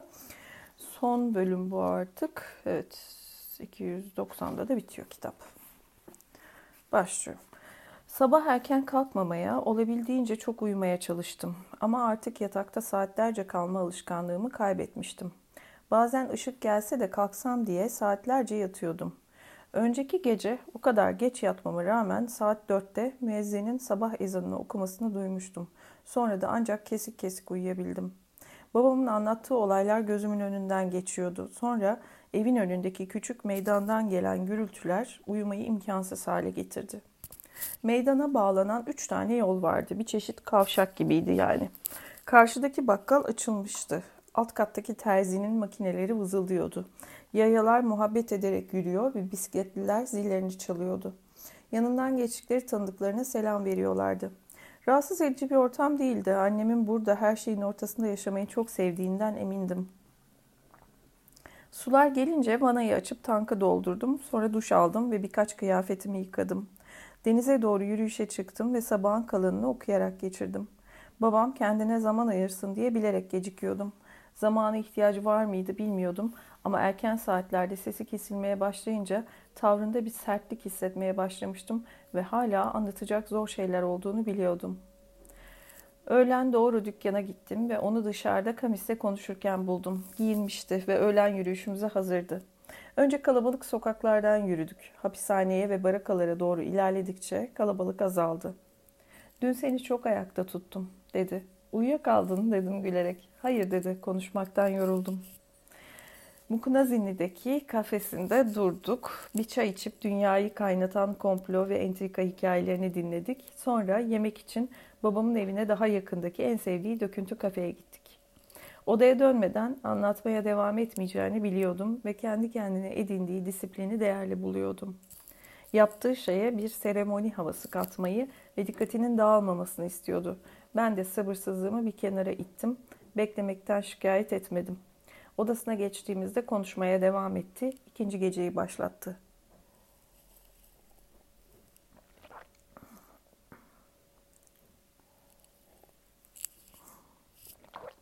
Bir akşam kapı çaldı. İşten yeni gelmiştim. Duşumu almış yatakta yatıyordum. Sahide bir yandan ütü yapıyor, bir yandan Anayasa İşleri Bakanlığı'ndaki mülakatını anlatıyordu. Sen Kur'an kursundan dönmemiştin. O zamanlar akşamları kursta oluyordun. Kapıda bir eli bisikletinde genç bir adam vardı. El sıkıştık. Gözleri iletmeye geldiği haberin heyecanıyla parlıyordu. Mercan Oteli'nde çalışıyorum dedi. Amir'in o zamanlar çalıştığı otelde. Genç adam zayıf ve gergindi. Amir'i götürdüler dedi. Göz, gözlerimle gördüm. Resmi plakalı beyaz bir Datsun. Öğleden sonra geldiler. Eyvahlar olsun başlıyor. Nereye götürdüler diye sordum ama ne demek istediğini az çok anlamıştım. Anlamamış taklidi yaparak hem bildiğimi inkar ediyor hem ayrıntı istiyordum. Dur dedim bisikletine binip gitmeye yeltenmesini durdurdum. Acelen ne dedim dur biraz. Kim götürdü? Nereye götürdü? Genç adam duraksadı sonra omuzlarını sikti. Söylediklerini anlamadığıma inanamıyordu. Omzumun üzerinden içeri baktı sonra gözlerini kaçırdı. Herhalde Saide arkamdan gelmişti. Belki Amir'in adını duymuştu. Amir'i götürmüşler diyor dedim ona dönerek. Kangasını düzeltiyordu. Gizli bilgi veriyor gibi alçak sesle konuşmuştum. Kimin götürdüğünü söylemiyor ama resmi plakalı beyaz bir dat sunmuş. Genç adam başını salladı. Mesajını iletmiş olmaktan memnundu. Beyaz Datsun'un güvenlik servisi demek olduğunu hepimiz biliyorduk. Kimin götürdüğünü sormanın ne manası vardı ki?'' Korktuğum için ya da belki daha bir daha iyi bir açıklama vardır umuduyla saçmalıyordum. Anlatacak başka bir şey yok mu diye sordu Saida. Nerede oldu? Ne olur bir şey söyle. Genç adam anlamsız sorulara başını salladı ve bisikletine bindi. Amir'in arkadaşı mısın diye sordu Saida. Genç adam ben dışarıda bahçede çalışıyorum dedi. İki adam gelip Amir'le konuştu. Sonra arabaya bindirdiler. Birinin silahı vardı sanırım. Elini böyle cebine sokmuştu. Elini cebine koyup silah işareti yaptı. Ayrıntıları verdikçe gözleri yine parlamıştı. Bize geldiğin için teşekkür ederiz dedi Sayda. Genç adamın gitmeye yeltendiğini görebiliyordu. Adını da söyler misin? Bakari dedi genç adam gönülsüzce. Bakari göz açıp kapayıncaya kadar yolun köşesine dönüp kaybolduktan sonra Saida birkaç saniye masada ses çıkarmadan oturdu. Ben de karşısına geçtim ve onu bekledim. Haber beni resmen felç etmişti. Ne yapacağımı ya da söyleyeceğimi bilemiyordum. Yıllardır insanlar gözaltına alınıp salınıyordu, bazen salınmıyordu. Ama daha önce hiç bana yakın biri alınmamıştı. Olan her şeye rağmen kimse önümü kesip beni tutuklamakla tehdit etmemişti. Güçlüleri korkaklık ve itaatle popohlamayı öğrenmiştik. Amir neden tutuklanırdı ki? Tehlike anlarında insan çok acayip şeyler düşünebiliyor. Ben bu yeni haberi merkeze oturt merkeze oturtup lap tehlike anlarında insan çok acayip şeyler düşünebiliyor. Ben bu yeni haberi merkeze oturtup Amir hakkında bildiğim her şeyi aklımdan geçirmeye, nasıl bir kusur işlemiş olabileceğini tahmin etmeye çalışmaya başladım. Sanki uzun uzun düşünecek vakit varmış gibi. Babamı almaya geldikleri günü düşünüyordum, dedi Saida sonunda. Diğer partideki tüm önemli isimleri tutukladıklarını biliyorduk. O zaman devrimdi ama. Amir bu insanların gücüne gidecek ne yapmış olabilir ki? Bilmiyorum manasında başımı salladım. Ben bir şey olduğunu düşünüyordum dedim sonunda. Amir heyecanlanmıştı. Belki oteldeki yeni işidir dedim. Belki ona heyecanlanıyordur. Ama bilmediğimiz bir şeye karışmış olması da mümkün sanırım. Nasıl bir şey dedi Saide endişeyle. Amir hakkında tek kötü söz duymaya tahammülü yoktu. Konu Amir olunca en kötü ihtimali düşünmeye hep hazırsın. Tekrar başımı salladım. Dediği doğru değildi. Öyle söyleme dedim. Ben bu işleri bilmem ki. Belki siyasete karışmıştır. Artık arkadaşları kimdir, kimlerdendir bilmiyoruz. Birinin gücüne gidecek bir şey yapmış olabilir. Bu iktidardakilerin bazıları çok hassas oluyor. Bir süre ne yapacağımızı konuştuk. Nihayet benim otele gidip bir şeyler öğrenebilecek miyim diye bakmama karar verdik. Genelde öyle yerlere hiç gitmezdim. Otellere, barlara, kulüplere falan. Yabancılar ve yabancılar gibi olmak isteyenlere göre yerlerdi oralar. En azından o zamanlar öyleydi.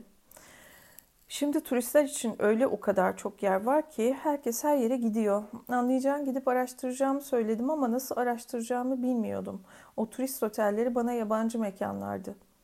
Bakari bahçede çalıştığını söylemişti. Demek ki ya bahçıvandı ya da yerleri süpürüyordu. Bu haberi taşıdığı ortaya çıkarsa güçsüz kalacak, korkup sinecek biriydi.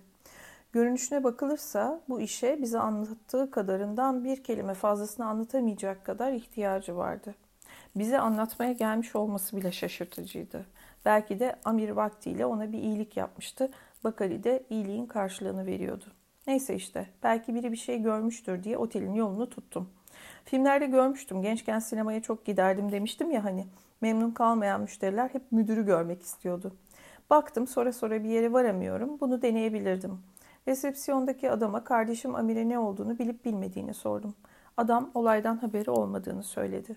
Bu adamı tanımıştım. Akılda kalan sarkık gözleri vardı ama adını bilmiyordum. İki adamın Amir'i beyaz bir Datsun'a bindirip götürdüğünü duyduğumuzu söyledim. Adam kimden duyduğumuzu sordu. Komşumuz öyle bir dedikodu duymuş dedim. Komşu gelip başka haber var mı diye sormuştu. Bu kadardı. Bakari'nin adını vermedim. Sarkık gözlü resepsiyonist olay gerçekse de ilk kez duyduğunu söyledi. Bundan sonra müdürü görmek istedim. Sarkık göz başını kaldırıp beni bir süzdü. Yükseklerde bir tanıdığım olup olmadığını çözmeye çalışıyordu. Resepsiyonun arkasındaki bir ofise girdi. Biraz sonra gelip beni müdürün odasına götürdü.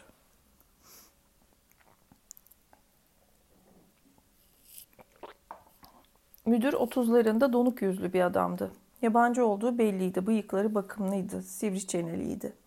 Yüzü gülen ve parfüm kokan ama insanı bakışlarıyla delen ve boyu bosu eşkıya gibi tipini açık eden adamlardandı. Yine de elini kirletmekten çekinmeyecek bir adamın sert bakışlarına sahipti. Bana inik kaşlarının altından baktı ve yerinden kalkmadan elimi sıktı. Sonra oturmam için bir sandalyeyi gösterdi. Bütün bunlardan bu kara para dal kavuğundan korkmam gerektiğini anladım. Benim gibi biri bile bu nahoş tipli adamın defterleri dolduran ve çekleri imzalayan kişi olmadığını anlayabilirdi. Müdür iki adamın amiri devlete ait bir araçla götürdüğü dışında bir şey bilmediğini söyledi. Onu pikniğe götürmeye gelmiş arkadaşları bile olabilirlerdi. Bilmek mümkün değildi. Olay sırasında müdür orada değildi. Otoritelerden bir haber gelmesini bekleyecekti. Otoriteler, Big Brother. O kadar böyle belli belirsiz bir şey ki kimliksiz. Bu sırada her şeyin tatlıya bağlanacağını umuyordu. Çalışanı için tabii ki endişeleniyordu ama işletmenin zarar görmesini de istemiyordu. Yapabileceği bir şey olursa bunu dedikten sonra kalkıp elimi sıktı ve beni kapıya kadar geçirdi. Resepsiyonun olduğu alan boşalmıştı. Sarkık göz gitmişti. Oradan havuzun bir kısmını görebiliyordum. Avrupalı birkaç çocuk su sıçratıyor, güneşte oyun oynuyor, eğleniyordu. Neden bilmiyorum ama o görüntü bugün bile sinirimi bozuyor. Kendi fakirliğinizi anımsatıyor çünkü. Öyle gibi geldi bana.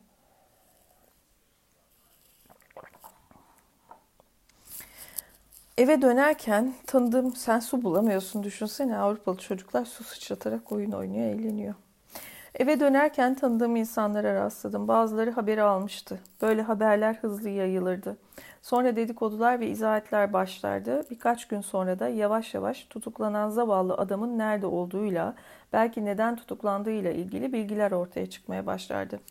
Bazen insanların aklında sadece dedikodular ve beraberinde getirdikleri saçma teoriler kalırdı. Meraklı sorulardan olabildiğince kibar şekilde kaçınmaya çalışıyordum. Ben de bir şey bilmiyordum neticede ama Amir'in tutuklandığının duyulduğuna sevinmiştim. Böylesi daha güvenliydi. Sayda haber olmadığını öğrenince çok sinirlendi. Bir şey öğrenemedin yani dedi. Beni işe yaramaz ve korkak hissettirdi. Sözlerinin beni incittiğini anlamış olacak ki uzanıp elimi tuttu ve sevgilim dedi. Kim aldı, neden aldı, nereye götürdü bilmiyoruz. Böyle boş boş oturmaya dayanamıyorum. Tanıdığımız kimse yok mu? Böyle olurdu çünkü. Bir sıkıntı çıkınca herkes kime gideceklerini, kimin yardım edebileceğini düşünürdü. Hala da böyle. Bir şey öğrenmemize yardım edebilir mi diye Yusuf'a gittim. Yusuf'u hatırlıyorsun değil mi? Okuldan arkadaşım. Gerçekten çok yakındık. Bisikletimle Yusuf'un babasının evine giderken önce arasam mı diye düşündüm. Yol üstünde bir dükkan vardı. Oradan arayabilirdim. Yusuf'un babası iyice yükselmişti. Dışişleri Bakan, Bakanı'nın özel kalemi olmuştu. Yusuf da bakanlıkta giriş seviyesinde bir işteydi. Onu arada sırada görüyordum. Güneş gözlüklerini takmış kırmızı Honda'sı ile işe gidiyordu. Televizyondaki birisi gibi öyle geçtiğini görmek beni gülümsetiyordu. Beni görürse hep el sallardı. Bu bana aramızdaki eski hissin hala yerinde olduğunu hissettiriyordu. Şehirde karşılaşırsak hala durup selamlaşıyor, sohbet ediyorduk. Son görüştüğümüzde ona diplomatik kariyeri için biraz takılmıştım. Yakında Washington'a atanmayı beklediğini söylemişti. Mevkisini gülüp geçiştirerek söylüyordu. Önemini alaycı bir şekilde abartarak anlatıyordu ama bu önemsiz olduğu anlamına gelmiyordu tabii. Yüksek yerdekilerin bütün çocukları da yüksek yerlere yerleştiriliyordu. Aileler böyle yapar. Hiç değilse yağmalarının güvenliğini sağlamak için. Düzen böyle. Yusuf babasının evinin bir kanadında karısı ve çocuğuyla oturuyordu. Evi düşün. Bir devlet büyüğü var, eşi var, çocuğunun ve ailesinin yaşayabileceği kadar geniş kanatları var. Belki hizmetçileri ve bekçi köpekleri için müştemilatları var. Arabaları için garajları var. Arasam telefonları dinleniyor olabilirdi. Dışişleri Bakanı'nın özel kalemini dinlemek için değil de onu ve ailesine rahatsızlık veren ve hakaret eden kişilerden korumak için. Böylece bu kişiler bulup saygısızlıkları için cezalandırılabilirdi. Bulunup demek istemiş herhalde. Evet. Eğer dinleniyorsa Yusuf'un dikkatli olması ve yersiz sorular sorarsam benim başından sağmaya çalışması gerekirdi. Belki dinlenmiyor, dinlemiyorlarsa bile beni başından savardı. Yardım edeceğine söz verir sonra bir şey yapmazdı. Telefonda yalan söylemek yüzüme söylemekten kolay olurdu. Öte yandan bakanın özel kaleminin evinin önüne öylece gidersem bu arada evin dikenli telli duvarlarla çevrili olduğunu ve önünde bir kulübede silahlı bir koruma olduğunu biliyordum. Öyle gidersem muhtemelen Yusuf'la görüşmeme izin vermezlerdi. Rahatsızlık verdiğim için şüpheli tavırdan veya hadsizlikten tutuklanabilirdim bile.'' Hala akşamüstüydü ve önceden ayarlanmış bir görüşmeye gelmemin aileyi boş zamanlarında rahatsız etmekten daha iyi görüneceğini düşündüm. Telefonla arayanlara edep gereği gösterilen kibarlığı gösterirlerdi herhalde. Hem olmazsa Yusuf'un ofisini arayıp ertesi gün orada bir görüşme ayarlayabilirdim. Yardım istemek için pedallara abanırken aklımdan bunlar geçiyordu. Bakanın özel kaleminin evi ile yol arasında bir 50 metre vardı. Patikanın iki tarafında da Japon gülleri, begonviller, zakkumlar, kana çiçekleri ve adını bilmediğim başka çiçekler ve çalılar ekiliydi. Bu görsel şölen yaramaz çocuklardan ve başıboş keçilerden korunmak için diz boyu telle çevrilmişti. Ev şehrin sınırındaydı. Bazı insanlar keçilerini otlatmaya oraya götürürdü. Şimdi oraya hep bina diktiler. Tabii yine hep kocaman bahçeli villalar. Bakanın özel kaleminin evine doğru köşeyi döndüğümde yeşil kapının önünde iki asker olduğunu gördüm. Bir tanesi silahlıydı, diğeri paydos vermiş gibi beresini çıkarmıştı. Aklı başka yerdeydi, başını kaşıyordu. Birkaç metre ötede seleden inip bisikletimle birlikte onlara doğru yürüdüm. Yaklaşırken beni istedikleri kadar süzebilsinler diye.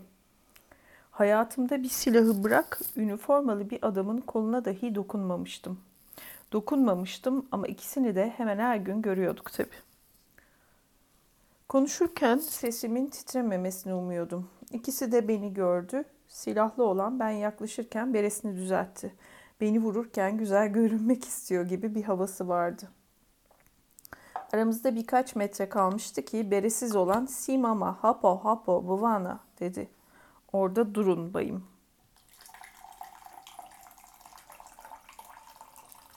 Selamun aleyküm dedim ve iki askerin de duraksamadan selamıma karşılık vermesine rahatladım. O çabuk cevabı duymak her zaman içimi rahatlatır. Refleks olarak cevap verdiğinde karşındakinin seni sevdiği için değil, bir Müslüman söylediği zaman Tanrı'nın selamını almak zorunda olduğu için selam verdiğini anlarsın. Bir kafir söylediğinde ise almamak zorunda olduğu. Bıvana Yusuf'u görecektim dedim. Beresiz askerin diğerinin üstü olduğunu şimdi anlamıştım. Etkilenmemiş gibi görünüyordu. Ne konuda diye sordu. Gözlerimi saygılı bir şekilde yere çevirerek terbiyesizlik etmek istemediğimi ama konuyu ona açamayacağımı ima ettim.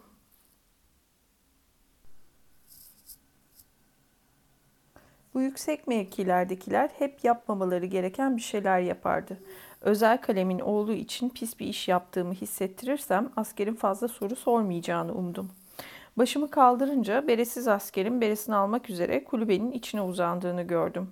Takmadan önce birkaç kere kendini yelpazeledi. Saatine baktı ve tekrar kulübeye gidip ağır görünen siyah bir telefonu almadan önce beni baştan aşağı inceledi. Elinde telefon, başını bir yana eğip biraz bekledi, sonra gönülsüzce bir karara vardı. Yapmak zorunda kaldığı şeyden memnun değildi. Adımı sordu ve telefonu çevirmeden önce işitme mesafemizden çıktı. Gördüğüme inanamadım ama birkaç dakika sonra Yusuf kapıdaydı. Bekletilmeyi ya da belki bir randevu verilip yollanmayı bekliyordum ama Yusuf oradaydı. Yoldan beraber görülmeyelim istiyormuş gibi içeri gelmemi işaret ediyordu. Bahçenin ortasında korumaların görebileceği bir yerde durdu. Kapı aralıktı. Daha önce hiç gelmediğim ve başka şartlar altında gelmeye asla cesaret edemeyeceğim eve bir sıkıntıdan ötürü geldiğimi tahmin etmiş olmalıydı. El sıkıştıktan sonra rahatlatıcı bir şekilde omzuma dokundu. Gergin öğrencisini rahatlatmaya çalışan bir öğretmen gibiydi. Hoş geldin, nasıl yardımcı olabilirim? Yakınımızda bizi duyabilecek kimse olmamasına rağmen fısıldayarak resmi plakalı beyaz bir Datsun'a binen iki adam kardeşim Amir'i götürmüş dedim. Sesimi yükseltip düzgün konuşmaya başladım. Tutuklandığını düşünüyoruz. Nedenini bilmiyoruz. Nereye götürüldüğünü de bilmiyoruz. Kime soracağımızı da bilmiyoruz. Yardımını istemeye geldim. Birbirimizi ilkokuldan beri tanıyorduk. Eskiden rekabet eder, kitaplarımızı paylaşır ve tabii ki oyun oynardık. Bir ara görünüşümüz bile benzemişti ve insanlar bizi akraba sanmaya başlamıştı. İkimizin de büyük gözleri, yamuk bir gülüşü, koyu teni vardı ama ben boyatıp Yusuf kısa kalınca aramızdaki benzerlik kayboldu.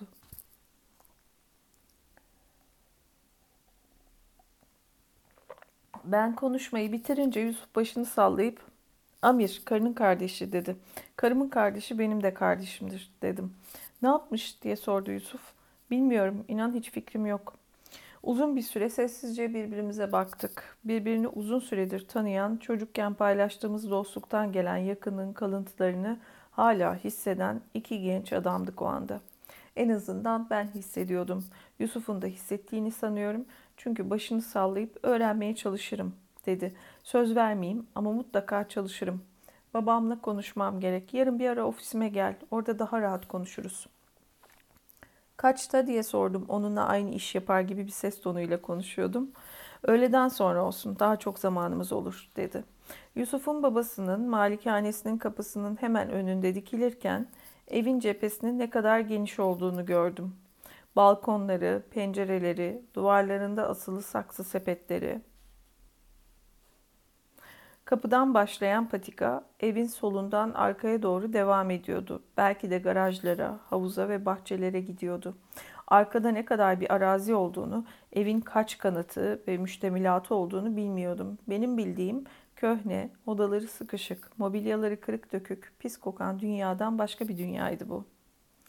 Haberlerle eve dönerken Yusuf'la konuşmamızın üstünden geçtim. Biraz soğuk muydu, mesafeli miydi? Yardım edemeyeceğini de söyleyebilirdi ama söylemedi. Amir'in adını söylerken sesinde kötü bir ton mu vardı? Ya şu Amir'in benim değil karımın kardeşi olduğunu söylemesi neydi öyle? Benim arkadaşım sensin, senin kardeşin olsa ilgilenirdim ama karının kardeşiyle ilgilenmem demeye mi getiriyordu? Yusuf Saida'nın her şeyim olduğunu bilemezdi. Neyin onun için veya benim için ne kadar önemli olduğunu da bilemezdi. Belki de Yusuf, Amir'in bir şekilde gücendirdiği insanlardandı.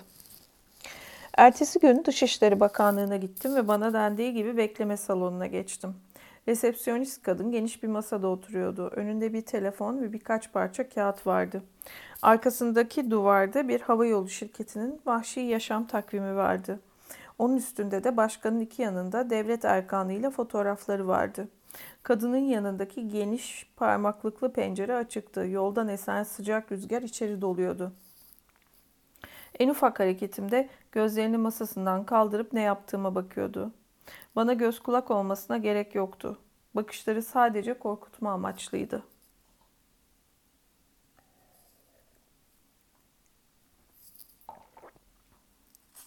Ben yine de sessiz sedasız oturmaya çalıştım. Belki oturduğum için bana çok uzun gelen bir beklemenin ardından Yusuf geldi. Kısa kollu beyaz bir gömleği vardı. Ceketi yoktu. Elimi sıkıp gülümsedi. Tepeden tırnağa genç bir diplomattı.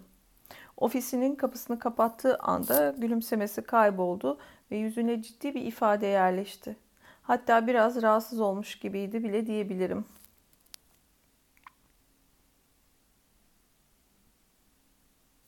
Oturmadı, beni de oturmaya davet etmedi. Kısa bir konuşma olacaktı.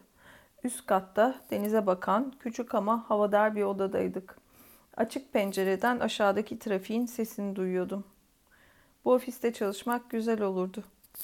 Yusuf'un pencerenin önüne geçmesini izledim.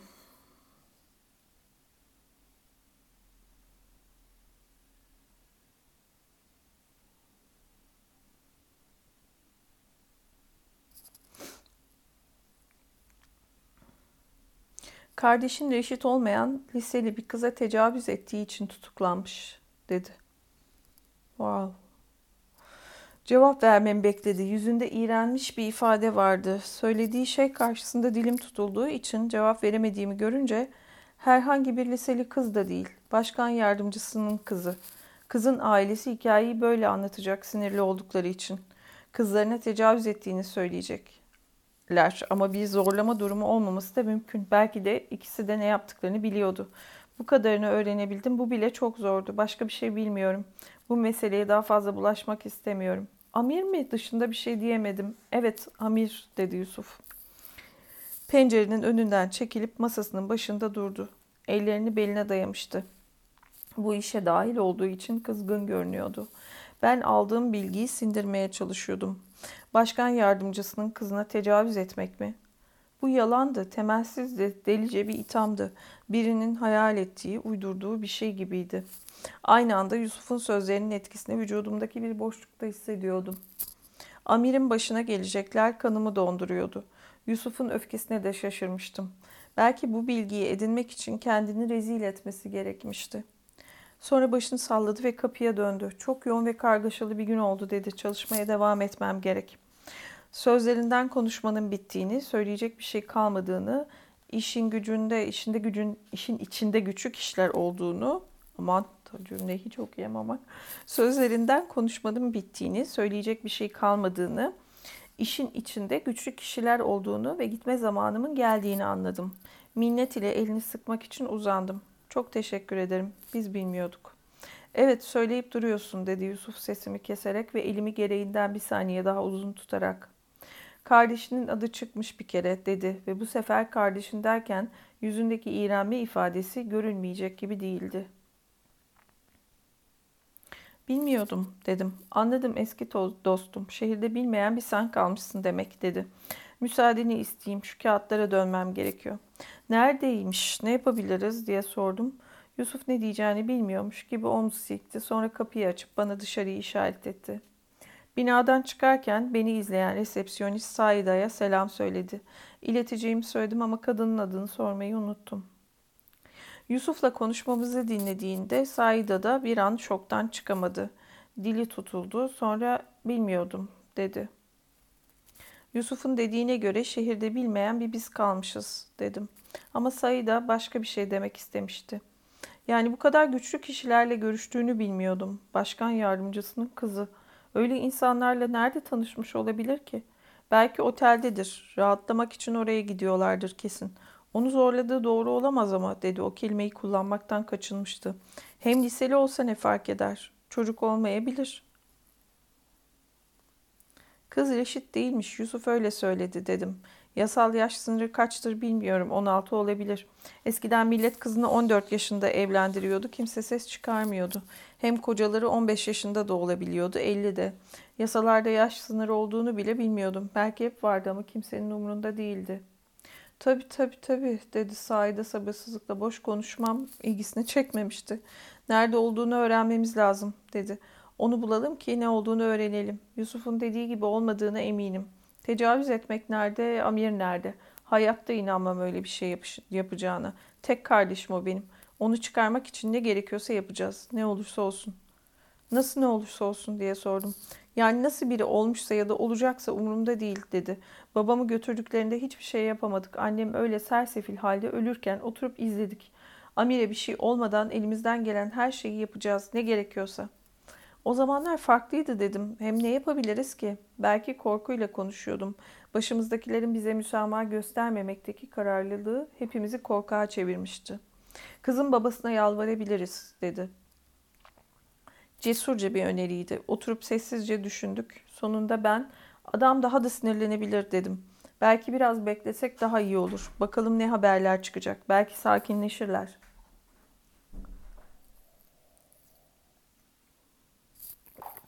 Ama sahi de başını sallayıp ben beklemem dedi. Yarın başkan yardımcısının ofisine gidip Amire ne olduğunu öğreneceğim. İster gel ister sakinleşmelerini bekle. Bütün gün komşular ve arkadaşlarımız gelip bir haber olup olmadığını sordu. Hepsine yok dedik. Tek bildiğimiz Amir'i götürdükleriydi. Utancımızı göstermeye hazır değildik. Ertesi gün Saida ile birlikte başkan yardımcısının ofisine gittik. Ben görüşmenin bizim için çok aşağılayıcı geçmesini bekliyordum ve çok gergindim. Başkan yardımcısını görmemize bile izin vermeyeceklerinden, korumalarının ve güvenlik görevlilerinin bizi azarlayıp kovacağından emindim. Kapıdaki silahlı koruma beklediğim kadar aşağılayıcı gözlerle bakıyordu ve binam, binaya girmemize izin vermedi. Ne konuşacaktık ki başkan yardımcısıyla? Sahide çok önemli bir aile meselesi olduğunu ve mutlaka Meşimiva ile bir görüşme ayarlamamız gerektiğini söyledi. Koruma çok sert konuşuyordu. Burası aile meselelerinin değil, devlet işlerinin yeriydi. Cebine biraz para koysak bizi içeri mi alır, durum daha mı kötü olur kestiremiyordum. Böyle işleri yapmayı bilmezdim. Ama koruma yapmamızı bekliyor olabilirdi. Eğer bekliyorsa nasıl yapmam gerektiğini bilmiyordum. Bak dedi Saida korumaları sonunda. Neyin aile meselesi, neyin devlet işi olduğunu biliyorsundur umarım. Çünkü ekselanslarını göremediğimiz için kötü bir şey olursa sorumlusu sen olursun. O zaman mesele kimi ilgilendiriyormuş anlarsın. Koruma iyice rahatsız olmuştu. Onu tehdit ettiği için Saida'ya bağıracağını sandım. Ama belki de başka bir sebeple korkmuştu. Biraz düşündükten sonra içerideki resepsiyonistle konuşmamızı söyledi. İçeri baktı, geçen birini gördü ve seslendi bunun randevu sekreteri olduğunu, Meşimiva'nın bizi görmek için zamanı olup olmayacağını en iyi onun bileceğini açıkladı. Yardımcı olmaya karar verdikten sonra uysal konuşmaya başlamıştı. Gücün nasıl kaprisli bir şey olduğunu gösteriyordu. Randevu sekreteri yanına yaklaşmamızı bekledi. Sonra peşinden resepsiyon salonuna gelmemizi işaret etti. Kısa kollu, beyaz bir gömleği ve haki pantolonu vardı. Bu düşük seviyeli bir memura ya da öğretmene yakışacak bir kıyafetti. Böyle yüksek mevkide birinin ofisinde görmek bizi ofisinde görmek şaşırtıcıydı. Bize sakince baktı. Onun kadar mülayim görünüşlü bir adamdan beklenmeyecek kadar kötücül bir donukluğu vardı. Sonra ne iş için geldiğimizi sordu. Ben niyeyse kim olduğumuzu ve neden geldiğimizi bildiğini hissettim. Özel bir aile meselesi dedi Saida. Sekreter başını sallayınca Saida konunun kardeşi Amir Ahmet hakkında olduğunu söyledi. Sekreter bunu duyunca biraz düşündü.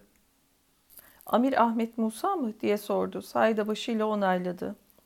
Sekreter uzanıp elini telefona koydu ama hizeyi kaldırmadı. Amir'in adını duyduğunda gözlerinde bir parlama görür gibi olmuştum zaten. Telefonu alıp bir numara çevirdi. Sonra Amir Ahmet Musa'nın kardeşi burada. Ekselanslarıyla görüşmek istiyor dedi. Kısa bir süre dinledikten sonra kalktı ve arkasındaki ofisten birini çağırdı. Yukarı çıkıyoruz dedi. Sayda ile beni de peşinden çağırdı. İki kat merdiven çıktık. Protokol müdürü yazan bir ofisin önüne geldik. Randevu memuru kapıyı çaldı. Açmadan önce birkaç saniye bekledi. Bize kapıyı açtı. Sonra arkamızdan girip kapıyı örttü. Ofis geniş ve klimalıydı. Karşı duvarın önündeki masada temiz tıraşlı, otoriter görünümlü bir adam oturuyordu. Kapının yanında dikdörtgen şeklinde dizilmiş kanepeler ve sandalyeler vardı. Yüksek mertebelerden misafirler ağırlamaya alışkın kıdemli bir memurun ofisiydi burası. Adam açık yeşil pantolon ve o dönem liderlerimizin pek sevdiği geniş yakalı gömleklerden giymişti. Şimdi hepsi ceket kravat dolaşıyor çünkü devlet adamına benzemek istiyorlar. Ama o zamanlar herkes gerillaya benzemek istiyordu. Masanın arkasından kalkıp yavaşça bize doğru yürüdü. Yaklaşırken kanepelere ve sandalyelere doğru işaret etti ama yarı yolda durup masasına baktı. Sekreter bize başıyla onay verip kanepeleri ve sandalyeleri gösterdi. Sonra kendini olayın dışına çıkarırmış gibi kenara çekildi. Bu sırada protokol müdürü geri döndü ve bize doğru gelmeye devam etti. Bu yürümeler durumun kontrolünün tamamen onda olduğunu ve onun karşısında güçsüz olduğumuzu göstermek içindi. Zaten anlamıştık. Küçük bir kanepede yan yana oturuyorduk. Birkaç adım ötemizde durdu. Kanepe yere yakın olduğu için dizlerimiz yukarıda kalıyordu. Korkup sinmiş gibi hissettim. Protokol müdürü bir şey demeden karşımızda durdu. Bana çok uzun bir süre gibi geldi. Havada bir şey, bir bozulma, bir serinlik hisseder gibi oldum. Sonra ürpertinin bedenime yayılan korkudan kaynaklandığını anladım. Randevu sekreterine baktığımda gözlerinin gülme, dalga geçme ya da aşağılama ile parladığını gördüm. İkimiz de protokol müdürünü hemen tanımıştık. Tabii o odada yaptığı iş gerçekten buysa. Sana orada olmayı ve bu şekilde muamele görmeyi biraz anla diye tarif ettim orada olanları. Ama odaya girdiğimiz anda ikimiz de karşımızda aslında kimin olduğunu anlamıştık. Başkan yardımcısının oğluydu yüzünü haber programlarında sık sık görürdük. Genelde babasının omzunun üstünden kaşlarını çatıp bakardı ya da davetlerde podyumların ikinci sırasında otururdu. Bu önemli insanların, çocuklarının, karılarının yüzlerini hep bilirdik. Haftada birkaç kere oynatılan eski konser kayıtlarında, konuşmalarda, törenlerde, cenazelerde hep gözümüzün önündeydiler. Tacize uğrayan kardeşin abi karşımızdaydı güç ve disiplin sahibi bir adam olarak tanınırdı. Daha çok ordu ile ilgilenmeyi, silahları, bağırmayı ve emir vermeyi tercih eden bir adamdı. Adı Hakim'di. Akıllı ve bilgi anlamına geldiğini biliyorsundur herhalde.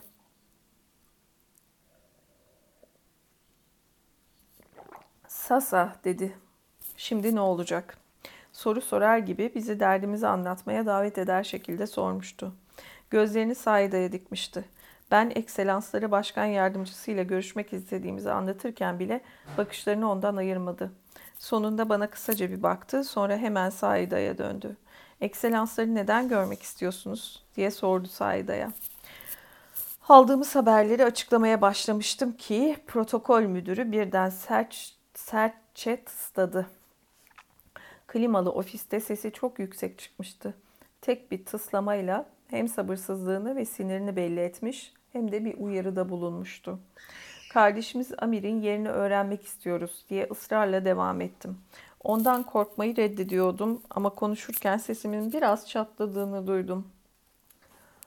Onun kardeşi dedi protokol müdürü abartılı bir kibarlıkla. Tekrar bana baktı. Tehlikeye ne kadar yakın olduğunu anlamayan bir aptalla konuşur gibi konuşuyordu. Gözlerindeki sert bakış bana sabrını zorlamamamı söylüyordu. Sonra tekrar Saida'ya dönüp kardeşin için yalvarmaya geldin öyle mi? dedi. Neden tutuklandığını biliyor musun? Bilmiyorsun değil mi? 15 yaşında bir kıza tecavüz ettiği için tutuklandı. İyi bir ailenin kızı. Hala okula gidiyor. Tüm abileri ve akrabaları onu çok sever. Kardeşin iğrenç, affedilmez ve korkunç bir şey yaptı. Onun gibiler onlarca yıldır böyle şeyler yapıyor. Kardeşlerimizin iffetiyle oynuyorlar.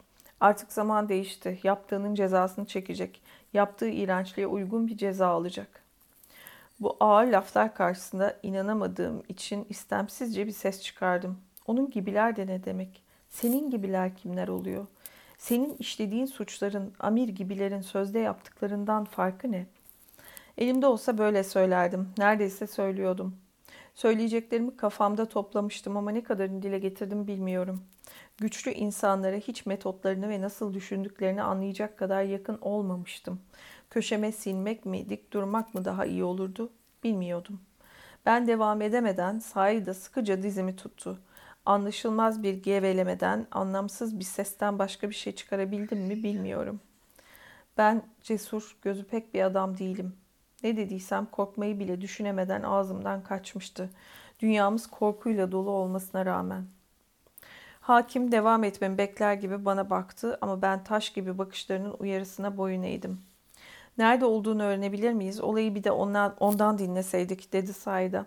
Ona nasıl yardımcı olabileceğimizi öğrenmiş oluruz. Olmaz dedi protokol müdürü hakim. Onu görmemize ve yardım etmemize müsaade etmemeniz doğru olamaz dedi Sayda. En azından iyi olduğunu görsek. Bakalım ne diyecek. Olmaz diye tekrar etti protokol müdürü. Sanırım o sırada randevu sekreteri kendi kendine kıkırdadı. Kardeşini görmen uygun bulunursa ne zaman görebileceğini yetkili merciler söyler.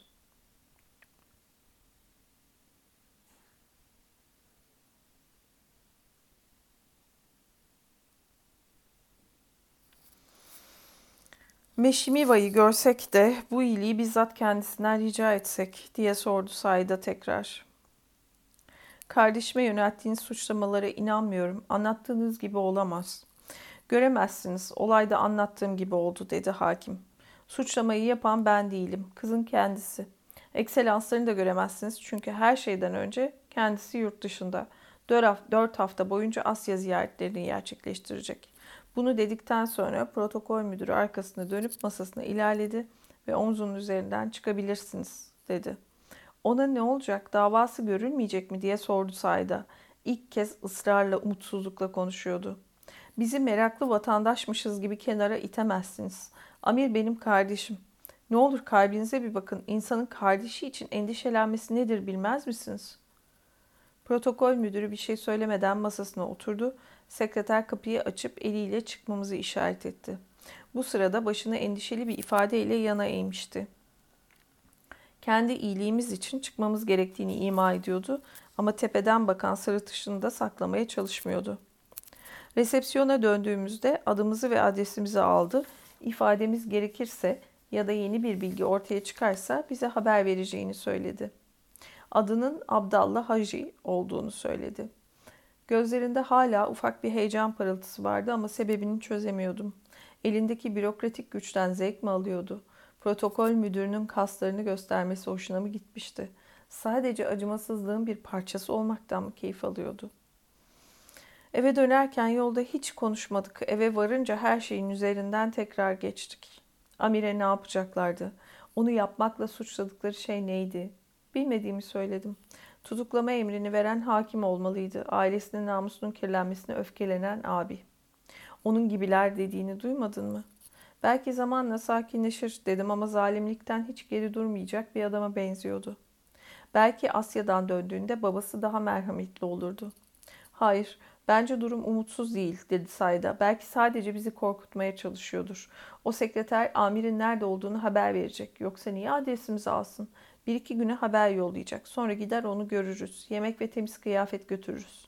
Evet dedim ama şüphelerim sesime yansımış olacaktı ki Sayda incinmiş gibi göründü. Hemen cevap vermedi.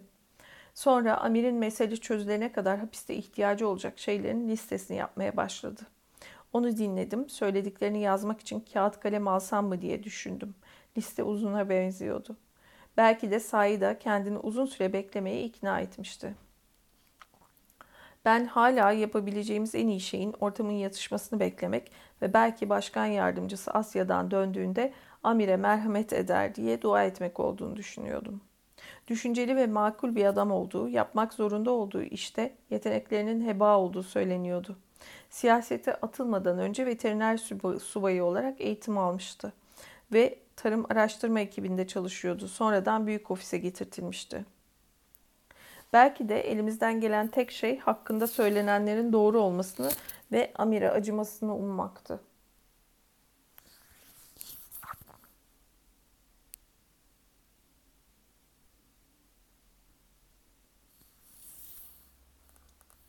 Aynı şeyi protokol müdürü hakimden umabileceğimizi sanmıyordum. Ama amir gerçekten kıza tecavüz ettiyse acıma muhtemelen söz konusu bile olamazdı. Bunu Saida'ya söylemedim çünkü amire gerekli şeylerin uzun bir listesini yapmak keyfini biraz yerine getirmişe benziyordu ve tadını kaçırmak istemedim. Ama hayır, protokol müdürü hakimin amiri affetmeye niyeti olduğunu düşünmüyordum ve belki de onun bakış açısından affetmesi için gerçekten de bir sebep yoktu. Ona ne yapacaklar diye sordu Saida tekrar uzun bir sessizliğin ardından. Davasının bir süre görüleceğini sanmıyordum. Tabii görülecekse. Bizim hükümetimiz davalarla pek uğraşmazdı.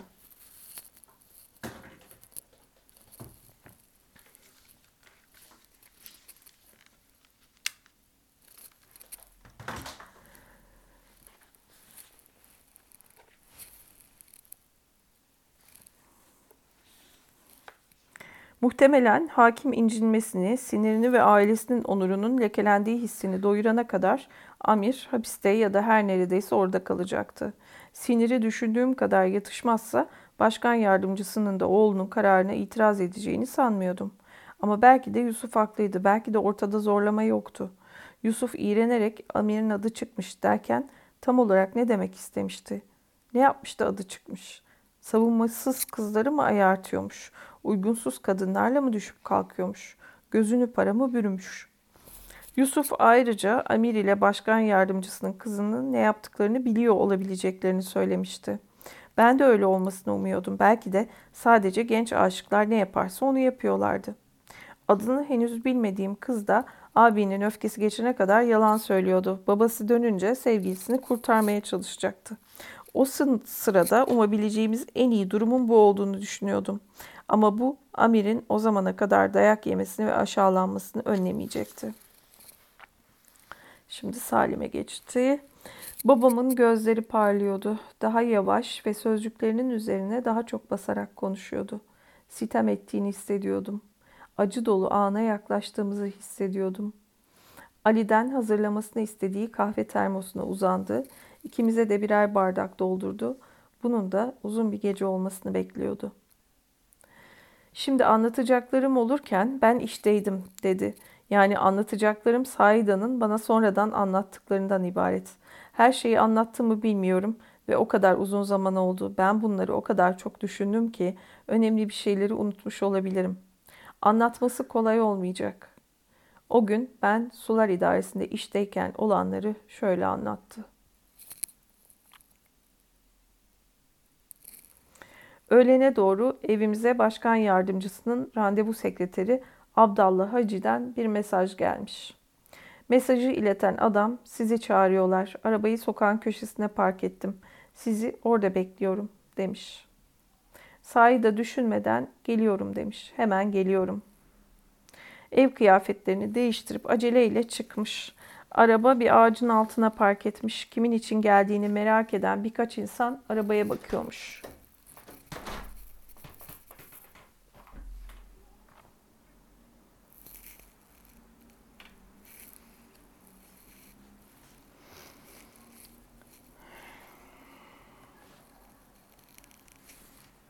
Arabanın yanında başkan yardımcısının ofisi yazıyormuş ve başkanlık forsu varmış. Onları görünce keşke kabul etmeseydim, yürüyerek gitseydim diye düşünmüş. Dikkat çekmekten rahatsız olmuş çünkü. Şoför onu onur konuymuş gibi kapının hemen önünde indirmiş. Silahlı korumanın yanından geçerken son geldiğimizdekiyle aynı adam olduğunu görmüş. Adam selam verir gibi dik duruyormuş. Sekreter Saida'nın girdiğini ofisinin açık kapısından görünce gülümseyerek ayağa kalkmış. Selam verdikten sonra üst kata yönelmiş ve Saida'nın da peşinden gelmesini işaret etmiş. Protokol müdürünün kapısını çalmış, biraz bekleyip kapıyı açmış ve Saida için kapıyı tutmuş. Sonra içeri girmeden kapıyı çekmiş. Hakim yavaşça yürüyerek yaklaşırken Saida evvelsi günkü yoğun öfkenin azalmış olduğunu fark etmiş ama hakimin yüzü hala sertmiş. Oturmasını işaret edip o da karşısına oturmuş. İlk günkü gibi yine sasa demiş bu sefer zehir saçmadan. O gün daha rahat giyinmiş, kırışık bir kumaştan uzun, neredeyse şeffaf beyaz bir gömlek giymiş. Haber varmış dediler demiş Saida. Haber varmış dediler demiş Saida. Hakim biraz Saida'ya Saida'ya bakıp başını sallamış. Hala inanamıyorum. Kardeşinin bu kadar vahşice, bu kadar hakaret eder gibi bir şey yapması. Yanlış yaptı. Bunu kabul ediyor musun? Dediğiniz doğru çıkarsa ederim demiş Saida inatla. Hakim gülümsemiş, onunla oynuyormuş. Yalan söylüyor olabilirim yani öyle mi? Peki doğru çıkarsa kardeşinin yanlış yaptığını kabul edecek, onu savunmanın peşini bırakacak mısın? Sahi sonradan hakim böyle gülümsedikten sonra korkmaya başladığını söyledi bana. Onu korumayı bırakacak mısın diye sormuş tekrar. Bu sefer Sahi da itaatkar bir hareket yapana kadar beklemiş. Annen ısrar ediyorsanız ederim ama önce işin aslını öğrenelim der gibi belli belirsiz bir hareket yapmış. O zaman otoritelerin bu çirkin suça uygun gördüğü cezayı kabul edecek misin diye sormuş hakim. Hala gülümsüyormuş. Saida'yı itaate devam etmeye zorluyormuş. Artık konuşurken alnındaki damarlar sinirden ya da başka bir güçlü duygudan kabarmaya başlamış. Hafifçe öne eğilmiş, Saida gömleğin üstünden boynunun sertliğini ve göğsünün derinliğini görebiliyormuş. Bu durumda otorite ben oluyorum demiş.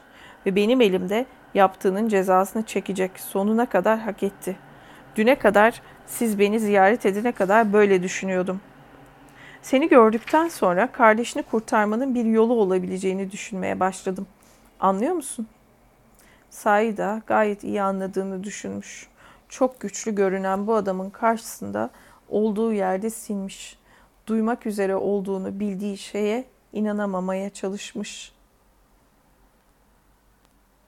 Onu sadece sen kurtarabilirsin demiş hakim. Sen çok güzel bir kadınsın. Az önce kapıda belirdiğinde kanımın heyecanla göğsüme hücum ettiğini hissettim. Daha önce hiçbir kadın bana böyle hissettirmedi. Ne dediğimi çok iyi anlamanı istiyorum. Seni istiyorum. O mutan diyor örtüsünü çıkarmak, seni soymak ve vücudunun kontrolünü elime almak istiyorum. Bedenini bana teslim etmeni istiyorum. Ona sahip olmak ve onu istediğim gibi kullanmak istiyorum. Seni arzuluyorum. Seni incitmeyeceğim. Canını yakmayacağım. Anlıyor musun? Seninle sevişmek istiyorum. Bir kere değil, istediğim kadar. Seni bu kadar istiyorum. Karşılığında kardeşini bırakacağım. Ona dokunmaya yeltenmemiş. Yüzü ifadesizmiş. Artık gülümsemiyormuş ve sözünü bitirdikten sonra arkasına yaslanıp Saida'nın cevap vermesini beklemiş. Saida, bana hakaret ediyorsunuz. Ben evli bir kadının ve bir çocuk annesiyim. Kocamı bu dünyadaki herkesten daha çok seviyorum. Kocamın ve oğlumun evine böyle bir leke sürmem. Hakim tekrar öne eğilmiş. Bu sefer onunla uğraşır gibi gülümsüyormuş.'' Ahlaklı bir kadın olmanı bekliyordum. Sözlerinde bunu gösteriyor zaten. Amacım seni incitmek ya da aşağılamak değil. Seni arzuluyorum ama seni küçük düşürmek istemiyorum. Allah razı olsun. Tamam. Sadece vücudunu bana teslim etmeni istiyorum. Kardeşini kurtarmak istiyorsam, istiyorsan dediğimi yapmaktan başka seçeneğin yok. Baban yıllar önce hain olduğu için vurulmuş. Eşit olmayan bir kızı taciz etmesinin yanında bu yüzden de kardeşinden şüpheleniyoruz. Benim istediğim şey dışında hiçbir şeyin onu kurtaramayacağını anlamanı istiyorum. Bu meseleye kimse karışmayacak. Başkan yardımcısı bile. Kızın abiyi olarak son sözü benim söylemem gerektiğine inanacaklar. Bunu düşünmen için sana birkaç saat vereceğim. Bu konuşmadan sonra Kardeşinle sana bir görüşme ayarlayacağım. Bir şey olmadığını, cildinde hasar olmadığını gör şimdilik tabii. Yarına kadar cevabını istiyorum. Evine leke sürülmesi konusuna gelirsek ben meseleyle bizzat ilgileneceğim. Onurunuz olabildiğince az zedelenecek. Seni incitmek ya da aşağılamak istemediğimi iyice anlamanı istiyorum.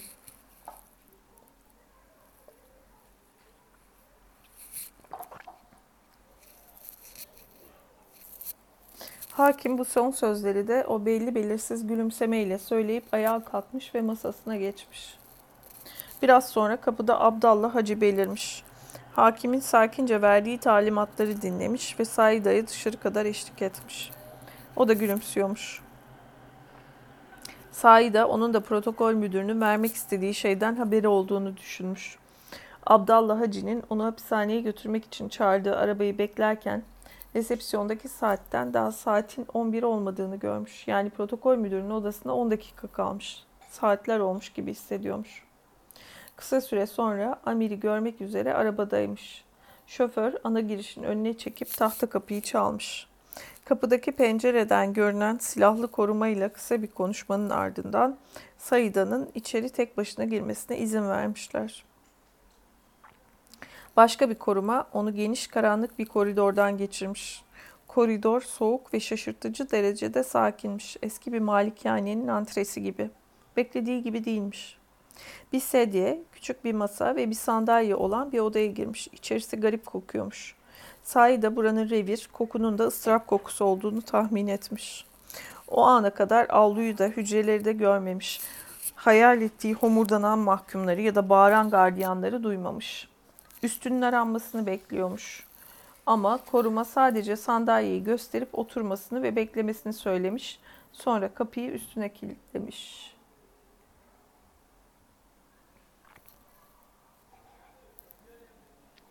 Geldiğinde Amir yataktan yeni kalkmış gibi görünüyormuş. Saçı dağınıkmış, gömleği kırışıkmış, gözleri şişkinmiş ama bunun dışında zarar görmüşe benzemiyormuş. Hakimin söylediği gibi cildinde hasar yokmuş. Koruma dışarı çıkmış, kapıyı çekmiş ama aralık bırakmış. Sahi da kardeşine sarılmış. Amir'in gönülsüzce, mazlum ve aksi bir eda ile cevapladığı sorularını sormaya başlamış. Sahi da kardeşinin babalarına ne kadar benzediğini, bir yandan da ondan ne kadar farklı, korkusuz, zorlu ve huysuz olduğunu düşünmüş. Sahi nasıl devam edeceğini düşünürken sessizce oturmuşlar. Ne oldu, ne oldu anlatsana diye sormuş. Onlar ne olduğunu söylüyor diye sormuş Amir. Sahi kardeşinin ses tonunu ölçmeye çalışmış. Şüpheli, dikkatli, ona ne kadar anlatması gerektiğini kestirmeye çalışıyor. Kardeşinin tutuklandığı için korkmuş ve ne yapacağını bilemez olacağını hayal etmiş. Ama hep olduğu gibiymiş. Kendi küçük fikrini geliştiriyor, plan yapıyormuş. Önce senden duymak istiyorum demiş Sayda. Kimse bir şey anlatmıyor. Tutuklandığında bile bir şey söylemediler. Sadece Mercan Oteli'nden alındığını biliyoruz. Sağa sola sormak zorunda kaldık. Ne oldu? Amir'in yüzünde o hesap yapan ifadesi varmış. Durumu değerlendiriyormuş. Ne kadarını anlatacağına karar veriyormuş. Kimse neden tutuklandığını söylemedi demiş. İki adam otele geldi. Arabaya binmemi söyledi. Birinin silahı vardı. Kimse neden tutuklandığımı söylemedi. İki adam otele geldi. Arabaya binmemi söyledi. Birinin silahı vardı demiş. Sesi sinirle yükseliyormuş ama Saida kardeşinin şimdilik dramatik bir etki vermek için sahte bir şiddetle konuştuğunu fark etmiş. Beni buraya getirip tek başıma bir hücreye attılar. İki gün, iki gecedir buradayım. Cehennem gibi sıcak, sivrisinekler, kova kullanmak. Düşünebiliyor musun? Kokusu var ya. Ne yaptığımı da bana ne yapacaklarını da bilmiyorum. Kimse bana bir şey söylemiyor. Sen bile. Kime sordun? Ne öğrendin? Reşit olmayan liseli bir kıza tecavüz ettiğini söylediler demiş Saide kısaca. Bir saniye sustuktan sonra Amir alaycı bir ses çıkarmış. Saide devam etmiş. Başkan yardımcısının küçük kızı. Ben öyle bir şey yapmadım demiş Amir fısıldamaya başlamış. Kim dedi bunu? Kardeşi hakim demiş Sayda. Sizi görmeye mi geldi diye sormuş Amir. Hala fısıldıyormuş. Sesinde şüphe varmış. Yalvarmak için kızın babasına gitmeye çalıştık ama yurt dışındaymış demiş Sayda. Nereden tanıyorsun bu insanları sen? Sesini yükseltme demiş Amir başıyla aralık kapıyı göstererek. Ne dediler? Seni cezalandırmayı planlıyor demiş Sayda. Tutuklama emrini o vermiş. Sana çok kızgın. O yüzden hikayeyi bir de senden dinlemek istedim. Ellerinde delil var mı bilmek istiyorum. Amir başını sallamış. Tabii ki aşağıya tecavüz etmedim demiş. Yaşını da bilmiyordum zaten. Birkaç kere aynı ortamda bulunduk, yakınlaştık. Otelde bir partiye geldi. Bir sonraki sözlerini düşünmek üzere durmuş. Onu zorlamadım. Sonra otele kaç kere kendi geldi, beni aradı, sevgilisi olmamı istiyordu. Saide başını sallamış. Abi kıza tecavüz ettiğini, kızın reşit olmadığını söylüyor. Aşa olayı böyle anlatmış. İki suç, bir kıza, bir ailesine karşı. Hayır demiş Amir sakince, eliyle bitkince yüzünü silmiş. Nasıl inanırsın böyle bir şeye? Tabii ki tecavüz etmedim. Otele üç kere geldi. Gelmek onun fikriydi. Ona suite odalardan birini göstermemi istedi. Onun fikriydi. Bunu nasıl söylersin? Biraz bekleyip şimdi ne olacak beni görme iznini nasıl aldın diye sormuş. Hakim ayarladı demiş Sayda. İyi olduğunu, şimdilik iyi olduğunu görmemi istedi. Onu tanıyor musun? O da mı yeni arkadaşlarından? Amir başını sallamış. Biraz tanıyorum. Sert bir adam. Öyle olmayı seviyor. Yapabileceğimiz bir şey var mı? Başka bir şey dedi mi? Saide başını sallamış. Ne ceza alacağı tamamen ola ne de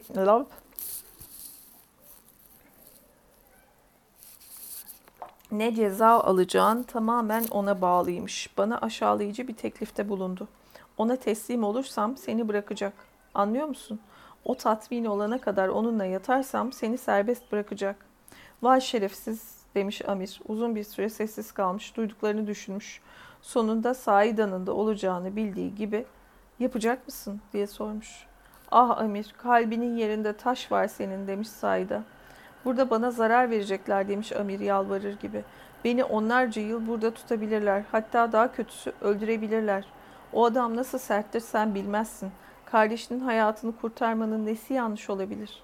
O ne derse desin sen asilce bir şey yaptığını, kardeşinin hayatını kurtardığını söyleyebilirsin. Of inanılmaz bir kardeş. Ya Masut, Masud'a ne diyeceğim diye sormuş Sayda. Onun bilmesine gerek yok demiş Amir. Ablasını şimdi ikna ettiğini düşündüğü için zaferle gülümsüyormuş. Kimsenin bilmesine gerek yok. Böyle şeyler hep oluyor.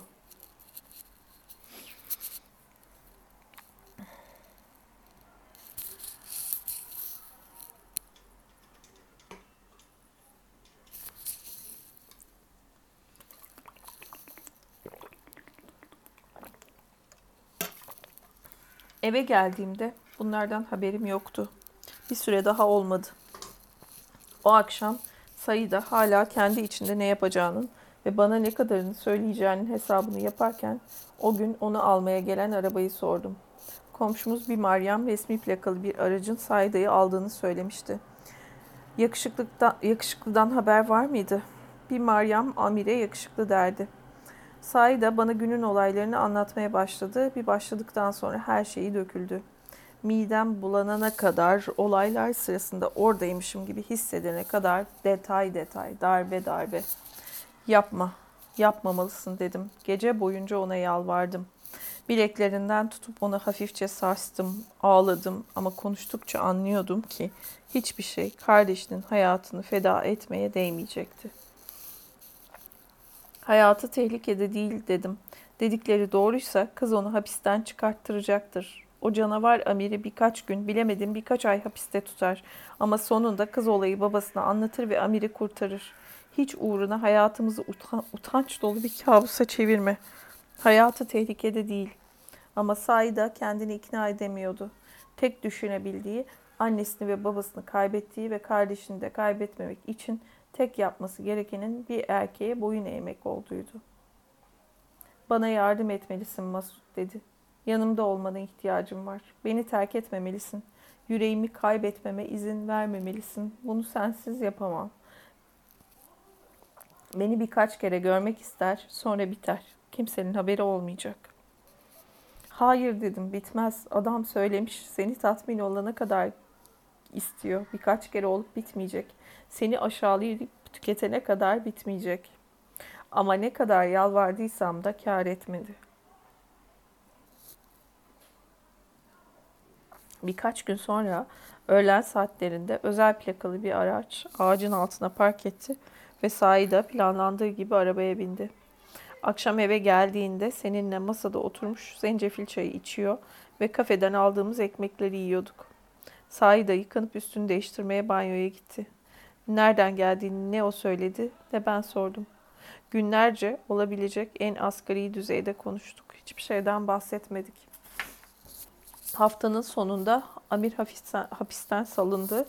Gülümseyerek ve canlanmış bir biçimde eve döndü. Sanki bize bir haftadır eşek şakası yapmış gibi davranıyordu. Ertesi hafta bir akşam vakti sahilde evden çıkıp planladığı, planlandığı gibi hakimi görmeye gitti.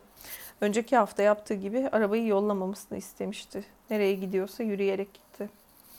O yokken annemin göz kulak olayım diye bıraktığı mücevherleri Dubai'ye vardıklarında yolladığı mektubu ve evlendiğimde babamın yolladığı mektubu çıkardım. Onları ve birkaç parça kıyafetimi bir çantaya koyup çıktım. Bir saat kadar amaçsızca bisikletle dolaştım. Nereye gitmek istediğimden emin değildim. Sahi dayı ve tüm hayatımı kaybetmeye hazır değildim. Yavaş yavaş eve döndüm. Saida'nın hakimi görmeye üçüncü gidişinde orada yaşamaya artık dayanamayacağımı anladım. Benim mahcup kalbimle düşünebildiğim kadarıyla bana, aptallığıma, korkaklığıma ve utancıma gülüp kıkırdayan kardeşine de dayanamıyordum. Ne yapacağımı bilmiyordum. Hayatımın hiçbir önemli anında ne yapacağımı bilemedim. Hep beceriksizdim. Yaptığı şey hakkında Saida'yla nasıl konuşacağımı bilmiyordum. Yaptığı bana çok ağır geliyordu. Yapmaya neden devam ettiğini anlayamıyordum.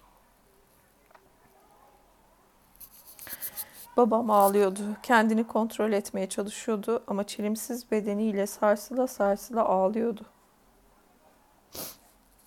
Kalkıp ışığı kapattım ve yatağının yanındaki masaya oturdum. Kısa süre sonra odaya sessizlik çöktü.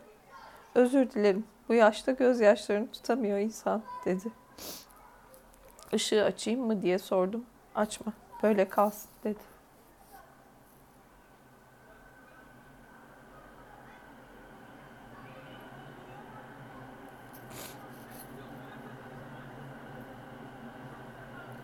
Sayda'nın o hafta gittiği dördüncü akşamdı. Birkaç eşyamı seçip çantama koydum ve eve dönmesini beklemeden buraya geldim. Kamis'in kalmama izin vereceğini biliyordum. Başı otoritelerle beladayken babam ona yardım etmişti. O da bana yardım ederdi. Bana bu odayı verdiler. Çok kalmayı planlamıyordum ama tartışmalarla ve açıklamalarla yaşayamazdım. Ertesi gün Amir sular idaresine yanıma geldi. Saida'nın eve dönmemi istediğini söyledi. Gözlerimi kaldırıp ona bakamıyordum. Masamdaki notlarımı okudum ya da okur gibi yaptım. Amir'in iç çekip gittiğini duydum. Akşama doğru Saida geldi. İş yerim eve yakındı zaten. Eve gelmemi istedi. Herkesin önünde ağlamaktan korktuğum için onunla birlikte dışarı çıktım. Dönemem dedim. Yaptığın şeyi görmeye dayanamıyorum. Nerede kaldığımı sordu. Bir oda tuttuğumu söyledim. Dükkan sahibiyle karısı arkada başka bir odada kalıyordu. Ortak bir bahçemiz ve çamaşır makinemiz vardı. Kafiydi. Eve gel dedi.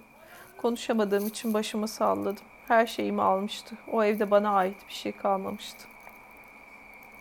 Ertesi gün işten odama dönerken kamis birinin bana bir şey bıraktığını söyledi. Bir tabak manyok yemeği ve biraz balık kızartmasıydı. Akşam yemeğinde onları yedim. Sabah işe gitmeden tabakları yıkayıp kamise bıraktım. Döndüğümde sahide tabakları almış, bir tabak pilav ve ıspanak getirmişti. O günden sonra her gün ben işteyken yemek getirmeye devam etti. Sonra sen getirmeye başladın. Bazen geldiğinizde odamdaysam kamis sepeti kendim alayım diye beni çağırıyordu. Teşekkür edip yemeği alıyordum. Onu ne zaman görsem acıyla yıkılmamak için kendimi zor tutuyordum. Onun için mücadele etmeliydim ama hayatını ele geçiren o iki utanmaz adamla yüzleşecek cesaretim yoktu. Denememi ister miydi bilmiyordum. Aklımda sessiz bir yerde onun da benden vazgeçmiş olduğunu biliyordum. Her gün getirdiği yemek de yapmayı bırakamadığı şey için benden dilediği özürdü. Onu terk ettikten sonra günlerce konuşamadım. Haftalar, aylar geçtikçe kendime karşı dile getiremediğim bir nefretin pençesine düştüm. Korkaklığım, acınası halim ve kalıpsızlığım için aşağılanmayı ve hor görülmeyi hak ediyordum. Ama bu sefil adamdan herkes kadar ben de nefret etsem de bununla yaşamayı bir şekilde öğrendim ve dünyaya açılan kapımı kapattım. Bu şekilde başarısızlıkla yaşamayı, bir şekilde onurlu yaşamayı öğrenebileceğimi düşündüm.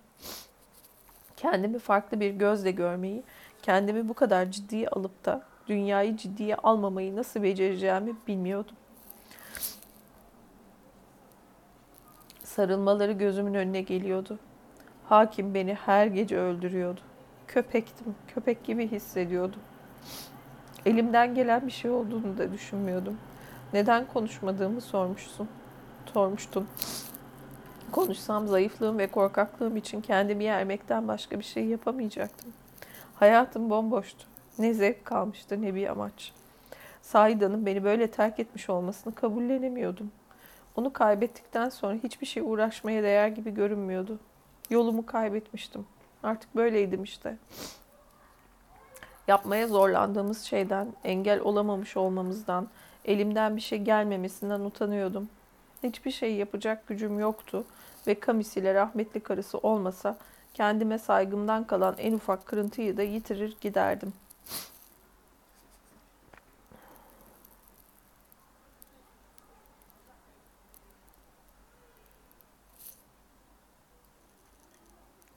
Neden bana yardım etmeye zahmet ettiler bilmiyorum ama ettiler. Babama minnet borçlarını misliyle ödediler ama bana bakmayı hiç kesmediler. Amire gelince hapisten çıktıktan sonra hayatının baharı başladı. Benden iyi biliyorsun zaten. Her işi yolunda gitti ve şansını değerlendirmeyi çok iyi bildi. Sonra seni de Londra'ya götürdü. Seni bir daha görmeyeceğimden emindim. Saida'ya gelince ise hakimin ondan asla tatmin olamadığı ortaya çıktı. Onu aşağılamak için çıktığı bu yol sonunda tutkuya dönüştü ve onu hiç bırakmadı. Sanırım ona aşık oldu. Benim bildiğim kadarıyla Saida da onun sevgisinin en azından birazına karşılık verebilmeyi öğrendi. Çünkü kardeşi güvenliğe kavuştuktan sonra bile onu bırakmadı ve bir de kızları oldu. İnsan nelere alışıyor.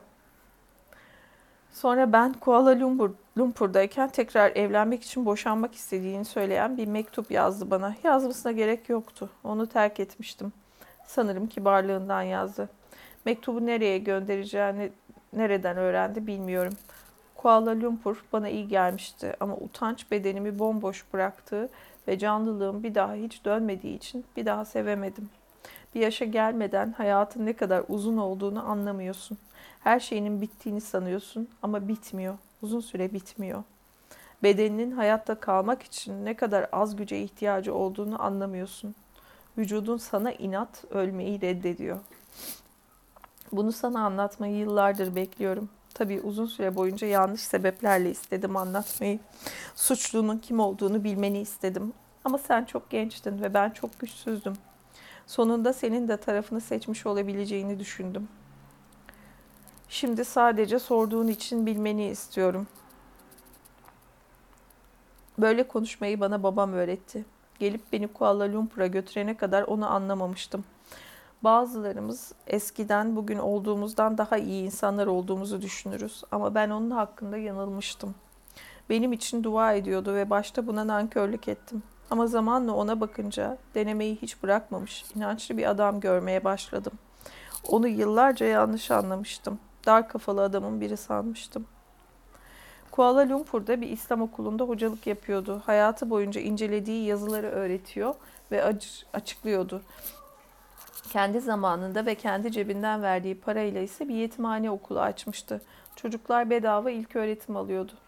Kuala Lumpur'da bedava okullar bile ucuz değildi. Testler, kitaplar, defter, üniforma almak anne babalara düşüyordu.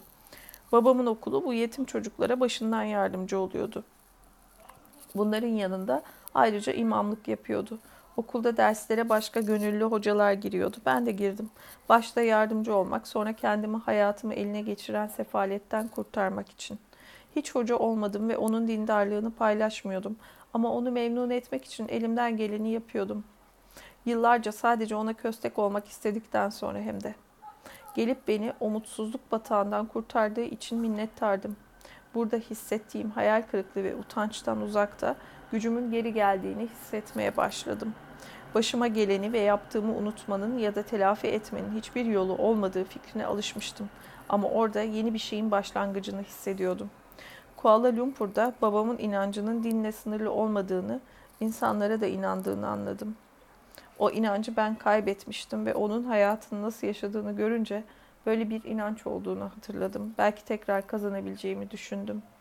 Muallim Yahya birkaç sene önce öldü. Yasını 20 yıl öncesine kadar aralarında bir yabancı olduğu yüzlerce insan tuttu.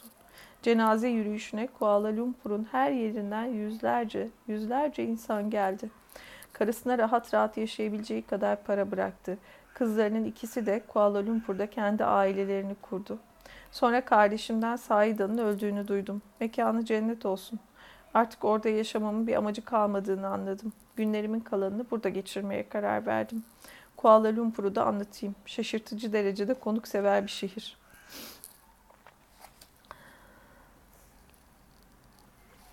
10. bölüm bitti bu arada. 11. bölüm son bir bölüm daha varmış. Şüphelerimiz haindir bölümün başlığı. Babam kalmak isteyip istemediğimi sordu. Bir an tereddüt ettim sonra konuyu değiştirdim. Londra'daki arkadaşlarımı, Reşat'ı ve Mahmud'u anlattım. Reşat her konudan bir belden aşağı espri çıkarır dedim. Özellikle heybetli kelimeler kullanırsan adalet, gelecek, sorumluluk gibi kelimeler söyledin mi elinden kurtuluşun yok demektir.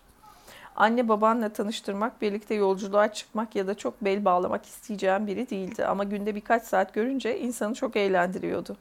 Mahmut çok farklıydı, hep gülümserdi, çok kibar, iyi kalpli bir arkadaştı. Başkaları da vardı ama onlarla o kadar yakın değildim. Dünyanın her yerinden insanlar, Hindistan, Batı Hint adaları, Malezya, İran, ben hiç öyle düşünmemiştim dedi babam. Etrafında hep sinirli İngiliz efendiler, burnu havada kadınlar vardır sanıyordum. Onlar da var ama hepsi onlar değil dedim. Bize kendileri hakkında söyledikleri ya da bizim inanmayı seçtiğimiz yalanlar kadar basit değil olay. Yani hepsi sinirli efendiler ve burnu havada kadınlar değil. Onların da açı var, delisi var, dindarı var. Evet biliyorum dedi babam heyecanlanmama gülümseyerek. Bütün dünyanın yolu bir şekilde Londra'ya düşüyor dedim. İngilizler rahatını bozmadık, millet bırakmamışlar. Kimin elinde iyi bir şey varsa alıp götürmüşler. Şimdi pejmürde zenciler ve Türklerden bir takım bunlardan pay almaya geliyor. Şu kibar gülümseyen arkadaşın Mahmut'u anlatsana dedi. Mahmut'la ilk tanıştığımda onu eskiden Mood derdik. Sierra Leone'de Müslümanlar olduğunu bilmiyordum. İnsanların dörtte üçünün Müslüman olduğunu söylediğinde inanmadım hatta. Ben Sierra Leone'yi hep İngilizlerin özgürleştirdikleri Afrikalı köleleri yollamak için uydurduğu bir ülke, dindar Hristiyanların olduğu bir misyoner yerleşkesi zannederdim. Bir yerde okudum ya da bir tarih dersinde duydum herhalde. Onların gelişi için topraklarının boşaltıldığını sanıyordum. Sierra Leone hakkında okuduğum tek kitap Graham Greene'in bir kitabıydı. Orada da İngilizlerin küçümseyerek anlattıkları Yos Suriyeliler dışında Müslümanlardan bahsedildiğini hatırlamıyordum. Senin benim gibi insanlar dünyayı böyle öğreniyor. Bizden nefret edenlerin yazdıklarını okuyarak.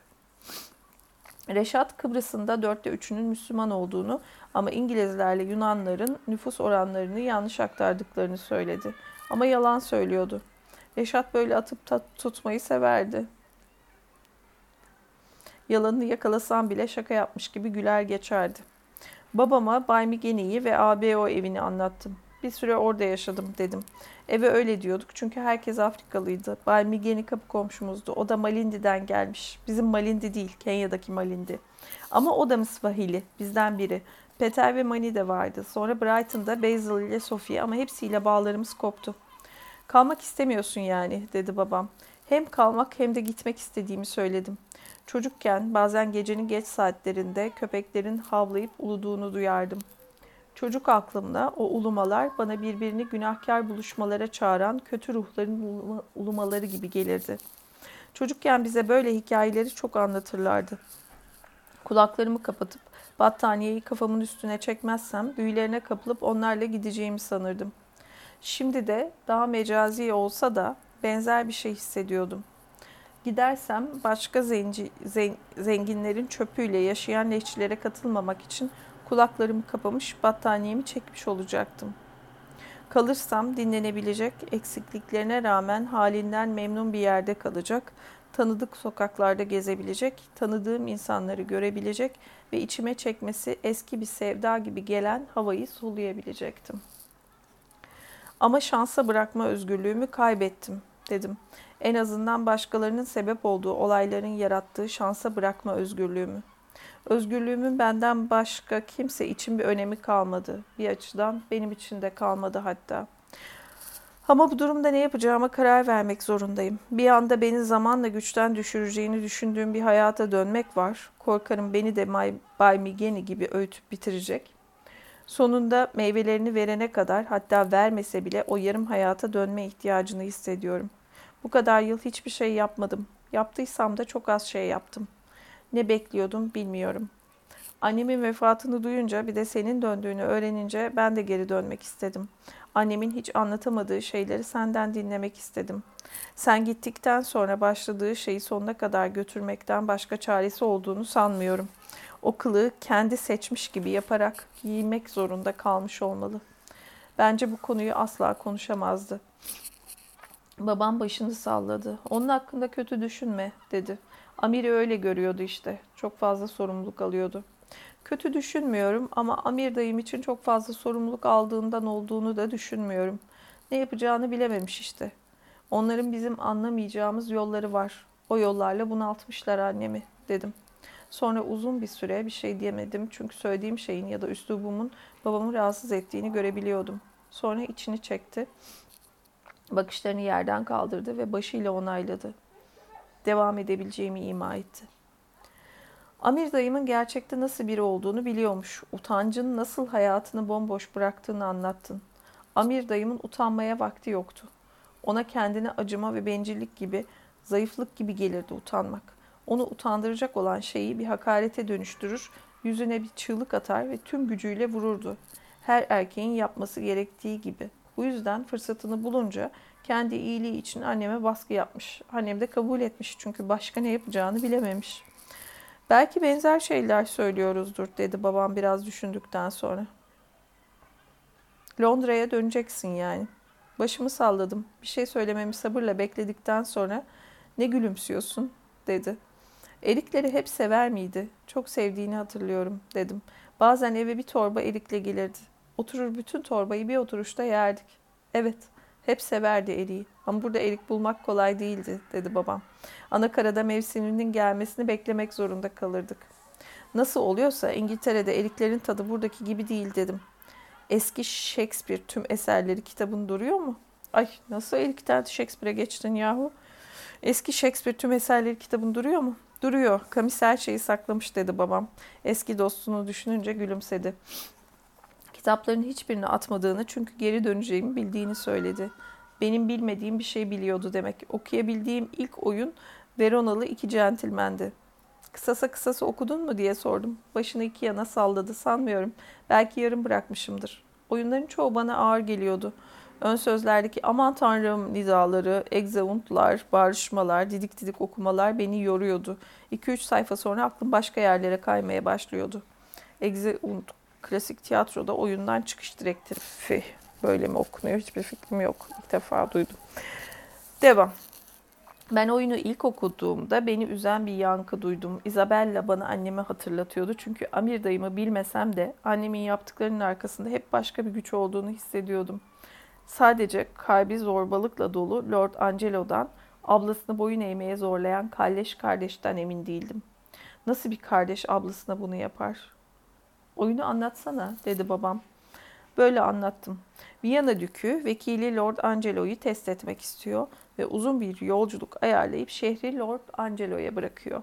Lord Angelo yüce gönüllülüğü ve ahlakıyla tanınıyor ama Dük'ün şüpheleri var. O yüzden aslında şehri terk etmiyor ve kılık değiştirip manastırda saklanıyor. Lord Angelo ahlak konusunda fazla bağnaz. Dük'ün kanunu yeterince sert uygulamadığını, her türlü ahlaksızlığa göz yumduğunu düşünüyor. Artık kimse tarafından eli kolu bağlanmadan hareket edebileceğini düşünen Lord Angelo ilk iş Claudio'yu tutuklatıyor. Claudio hamile sözlüsü Juliet ile günah içinde yaşıyor çünkü.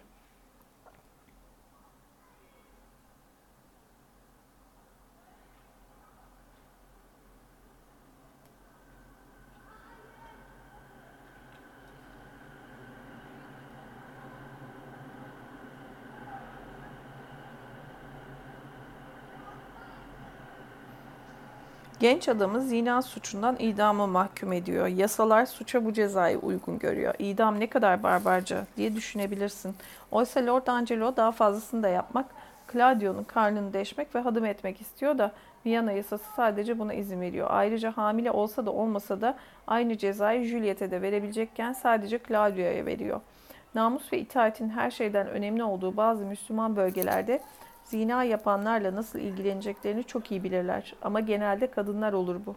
Yere bir çukur kazıp kadını çukura koyarlar. Sadece başı yerden yukarıda kalır. Sonra vücudunu çukura gömüp ölene kadar zina yapan kadının başını taşlarlar. Lord Angelo sadece adamı idama mahkum ediyor, kadını rahibelere veriyor. Ama Dük anlayışlı olduğu için yasaların uygun gördüğü bu cezanın bile feshedilmesine izin veriyor. Hapse götürülürken Claudio arkadaşı Lucio'yu görüyor. Lucio genel evlerden çıkmayan, sürekli olay çıkaran, ahlaksız şakalar yapıp duran serserinin biri. Claudio tutuklanmayı Lucio'ya anlatıyor ve Lord Angelo'dan af dilesin diye konuyu ablası Isabella'ya anlatmasını istiyor. Isabella bir rahibe olarak yeminlerini etmek üzereyken bu haberi alıyor ve Claudio'nun istediğini yapmayı Lord Angelo'ya gidip kardeşinin canını bağışlamasını istemeyi kabul ediyor. Doğuştan hakkı olmadığı her şey için yalvarıp yakarması gerektiğini herkes gibi o da biliyor. Lord Angelo'yu görmesine izin veriliyor. Claudio'nun sabah erkenden idam edileceğini öğreniyor. Hiç merhamet dileme, bana dil dökmek boşuna. Kanun böyle, zaman kaybetmek yok diyor Lord Angelo. Isabello, Isabella Lord Angelo'ya gayretle yalvarıyor. Başta çok ricacı ve nazik konuşuyor. İşe yaramadığını fark edince ahlak, ahlaklılık damarına basmak için gereksiz sertlik ve acımasızlık ettiğini söylüyor. Yeterince konuştuğunu düşünüyor. Ertesi sabah Lord Angelo'nun cevabını öğrenmek üzere gidiyor. En azından idama ertelemiş ve kardeşini kurtarma umuduyla biraz zaman kazanmış oluyor. Lord Angelo'nun Isabella'nın güzelliğine ve erdemliliğine sapkınca vurulduğunu ve ona cinsel olarak boyun eğdirmek istediğini bilmiyor. Ertesi gün geldiğinde Lord Angelo durumu çok açıkça anlatıyor. Sadece şunu anla, seni seviyorum. Claudio'nun yaşamasını istiyorsa ona boyun eğmek zorunda. Bir rahibe adayı olan Isabella bu acımasız fesatlıktan dehşete kapılıyor. Claudio'nun da kapılmasını umuyor ama kardeşiyle konuşmaya gittiğinde Claudio, Lord Angelo'nun isteklerini yerine getirmesini istiyor. Ölüm çok korkunç bir şey. Kardeşinin hayatını kurtarmak için işlediğin günah sevap sayılır. Of! Artık Dük de meseleye dahil oluyor. Lord Angelo'nun yöneticiliği konusundaki merakını gidermiş. Alçak ikiyüzlülüğünü görse de onu yanlış hüküm verirken yakalaması gerekiyor. Bir dolaplar çeviriyorlar. Dük Lord Angelo'yu yakalıyor. Isabella'nın onurunu kurtarıyor ve ona evlenme teklifi ediyor. Sonuçta bu bir oyun. Bu Isabella'yı kurtaracak bir dük, onu eline geçirdikten sonra bir daha bırakmayacak adamı engelleyecek biri yoktu dedim. Senin oynayacağın bir rol de yoktu baba. Shakespeare oyununun kahramanı kızı Dük için ayırmıştı. Bana rol yoksa okumam bende. Bazen merak ediyorum. Acaba her şeyin böyle olması mı gerekiyordu yoksa hepsi bir hata mıydı? Munira sınavlarından pek neşeli döndü. Sınavlar iyi geçmişti. Babasını arayıp iyi haberi verdi ve akşam onu görmeye geleceğimizi söyledi. Sonun, sonunda onunla tanışmaktan kaçamayacağımı biliyordum. Kendime bunu Munira için yaptığımı söyledim. Babasıyla tanışmaktan kaçmam onu mutsuz ediyordu. Aramızda bir sorun olmadığını belirtmiş olmama rağmen varmış gibi hissediyordu. Ben Londra'ya gittikten kısa süre sonra annemin tekrar evlenmek için boşanmak istediğini babamdan öğrenmiştim. Beni üzmemek ya da aksiliğimle uğraşmamak için gitmemi beklemiş olmalıydı. Sonra da söylememişti. Kısacası hakim annemin kocasıydı. Öyle ya da böyle. Onunla yaşamıştı ve öldüğünde ben Folkestone'da Ronda ile sevişip kavga ederken annemi saygıyla toprağa vermişti. Hakimin ilk ailesiyle yaşadığı büyük eve Munira ile birlikte gittik. Araba evin patikasına girerken köpeklerin havladığını duydum. Bahçe tarafından üniformalı cılız bir adam çıktı. Munira'yı görünce gülümsedi ve el salladı. Munira da ona el salladı. Evin önünde bir Land Cruiser park etmişti. Soldaki garajlarda da iki araba daha vardı. Korumalar ve kapılar olmadan köpekler bile göz önünde değilken bu kadar zenginliğin nasıl korunabileceğini merak ettim. Herhalde korkuya güveniyorlar diye düşündüm. Korku herkesin günlük yaşamının bir parçası olmuştu. Bu kadar acımasız sahiplerinden çalarken yakalanmaya, neticesine katlanmaya kim cesaret edebilirdi ki? Munira evin arkasına, bahçe kapısına yöneldi. Omzunun üzerinden dönüp başıyla benim de gelmemi işaret etti. Kız kardeşlerinin okulda olduklarını söylemişti. Biri Boston'da, biri Utrecht'teydi. İkisi de cömert devlet bursları ile okuyordu. Erkek kardeşi oradaydı. Bir akşam şehre, şehirde gezerken tanışmıştık. Munira ile aynı yaştaydı. Bir el sıkışıp gülümsedikten sonra kendi işine gitmişti. Munira kendi evine girer gibi kapıyı çalmadan girdi. Beni mutfaktaki bir kuzeniyle ya da halasıyla tanıştırdı. Bunun başka bir başka bir birahma olduğunu tahmin ettim. Ailede kendine iyi bir yer edinmiş olan hizmetçi. Annenin dinlendiğini söyledi ama Bamkubva içerideydi. O sırada Münira içeri geçmiş babasına sesleniyordu. Cam kapıdan geçip oturma odasına giden birkaç basamağa inerken sandaletlerini sallayarak çıkardı. Hakimi daha önce sadece televizyonda görmüştüm. Sesini ise sadece telefonda duymuştum. 60'larının ortasında gösteriyordu. Ortalarında gösteriyordu. Gözaltı torbaları gözlerine gölge düşürüyordu ve kalın boynu sarkıp buruşmaya başlamıştı. Biz içeri girerken televizyon koltuğunu bize çevirdi ve ayağa kalktı. Zorlanmadan kalkmış gibi göründü bana. Yaşına rağmen gücü kuvveti yerindeydi.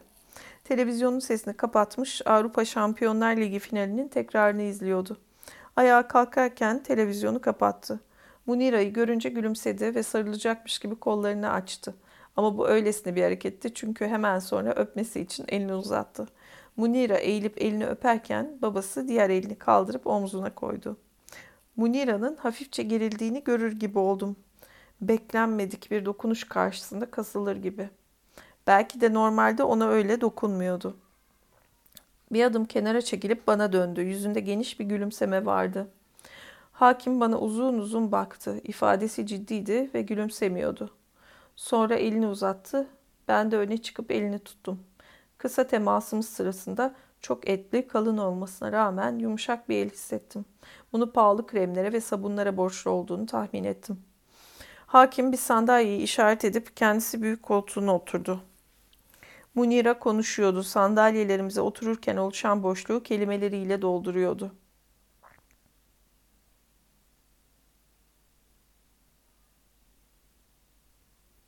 Salim sonunda dedi hakim sakince gülümseyerek. Annem bu anı görse çok mutlu olurdu. Lord Angelo diye düşündüm. 20 yıl önce olduğundan daha da tehditkar görünüyordu. Sadece şunu anla. Seni seviyorum. Vücudunu bana ver ve kardeşini kurtar. Seni kaltak. Konuşmadım. Aramızdaki boşluğu Hakim ve Munira'nın gelecek planlarından konuşması doldurdu. İşletme yüksek lisansı yapmaya Kolombiya'ya mı gitseydi, Berkeley'e gidip iktisat mı okusaydı, İtalya'ya gitmeyi çok isterdi ama dili öğrenmesi yıllar alırdı. İtalyan erkeklerinin çok yakışıklı olduğunu söyledi ama dürüst olmak gerekirse emin değildi. Amerika'yı tercih ediyor gibiydi ama Londra'ya giderse de bana baktı benimle kalabilirdi. Hakim güldü ve Salim burada kalmıyor mu diye sordu. Döndüğüme göre geri gitmezdim. Konuşup konuşmayacağımı görmek için bana baktı. Cevap alamayınca devam etti. Kalmak istersen burada mutlaka bir iş buluruz sana endişen olmasın. Ziyaretin bir noktasında cenazeye yetişemediğim için çok üzgün olduğumu söyledim. Hem bu hem diğer zamanlarda cömertliklerini esirgemedikleri için hakime ve amir dayıma minnettar olduğumu söyledim. Senin olduğu kadar benim de görevimdi dedi. Ben kalkarken tekrar elimi sıktı ve kalmak istersen teklifimde ciddiyim dedi. Minnettar göründüğümü umduğum bir ifadeyle başımı salladım ama içimden dönersem senin ağlarından birinde hayvan olmaya dönmeyeceğim dedim. Orada geçirdiğim ay sona eriyordu. Munira'ya uçuşumu teyit etmek için seyahat acentasını aradığımı anlatıyordum. Kalmayacak mısın diye sordu. Bir ay daha kal. Daha yeni geldin. Oraya vardığımda bir daha düşünürüm dedim. Ne var ki orada? Birisi için mi dönüyorsun yoksa? diye sordu. Hayır dedim öyle bir şey değil. Yoluna koymam gereken birkaç parça iş güç işte. Hayat parçaları. Peki git düşün sonra da geri gel dedi. Londra'da iyi bir işin olduğunu biliyorum. Ama babamın da dediği gibi burada da istersen iyi bir iş senindir. Babam da aynı soruyu sordu. Niye dönüyorsun ki? Sevdiğin biri mi var? Birisi yolunu mu gözlüyor? Babamın sorarken utançtan yüzünün girdiği hallere gülümsemekten kendimi alamadım. Böyle konuları konuşmaya alışkın değildik. Zaten herhangi bir konuyu konuşmaya yeni başlamıştık. Bu ifadeyi seviyordum. Yolunu gözleyen biri, sırf seni bekleyen. Yüzümdeki gülümsemeyi silip hayır yolumu gözleyen yok dedim. Bir kadın demek istiyorsun değil mi? Bir zaman önce bir kadına aşık olmuştum. Adı Billy'ydi ama onu kaybettim. Ailesi onu vazgeçirdi. Belki de beni yeterince sevmemiştir. Bilmiyorum. Yine seversin dedi babam. Sen sevmedin dedim. Yalnız yaşayamazsın dedi babam. Sen yaşadın dedim. Yaşamadım. Ben yanlış giden aşkın getirdiği sefaletle yaşadım ve neredeyse canımdan oluyordum dedi. Ta ki o ihtiyar gelip beni götürene kadar. Belki bazen kendimiz için iyi olanı yapmaya zorlanmamız ya da kendimizi zorlamamız gerekiyordur. Başımı salladım. Öyle değil dedim. Söylemiştim. Başıma gelenin sonucu ne olacak görmek istiyorum. Olasılıklar beni mahvetti. İlk gidişimde söylediğin sözü yine söylesene. Aşk ve şükretmekle ilgili olanı. Tam hatırlamıyorum artık. Eskiden babam söylerdi o sözü ara sıra. Aşkın başlangıcı şükretmektir miydi? Öyle bir şeydi dedi babam. Tanrı aşkından bahsediyordu tabii. Bizim bahsettiğimiz dünyevi şeyden değil. Belki basit, günahkar ölümlüler için de geçerli sayılabilir. Londra'ya dönerken diken üstündeydim. Çok gergindim. Böyle duygulara dikkat etmeyi öğrenmiştim. Sanki bir şey beni uyarıyor gibiydi.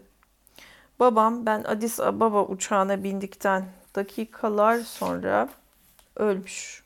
Ah Ben de niye bu kadar uzattı, bitmesi gerekiyordu babasıyla konuşmadan sonra diye buraları böyle bir sabırsızlıkla okuyordum ki uf dumur oldum. Londra'ya dönerken diken üstündeydim. Çok gergindim. Böyle duygulara dikkat etmeyi öğrenmiştim. Sanki bir şey beni uyarıyor gibiydi. Babam ben Addis Ababa uçağına bindikten dakikalar sonra ölmüş. Addis Ababa havaalanında 6 saat bekleyecektim.'' Ama uçuşum iptal olunca hava alanında bana bir koltuk bulunana kadar cehennem gibi 26 saat geçirdim. Londra'ya gece uçağına bindim ve Putney'e planladığımdan bir gün sonra vardım. Sabah Munir'i arayıp babamın öldüğünü, ertesi günde toprağa verildiğini söyledi.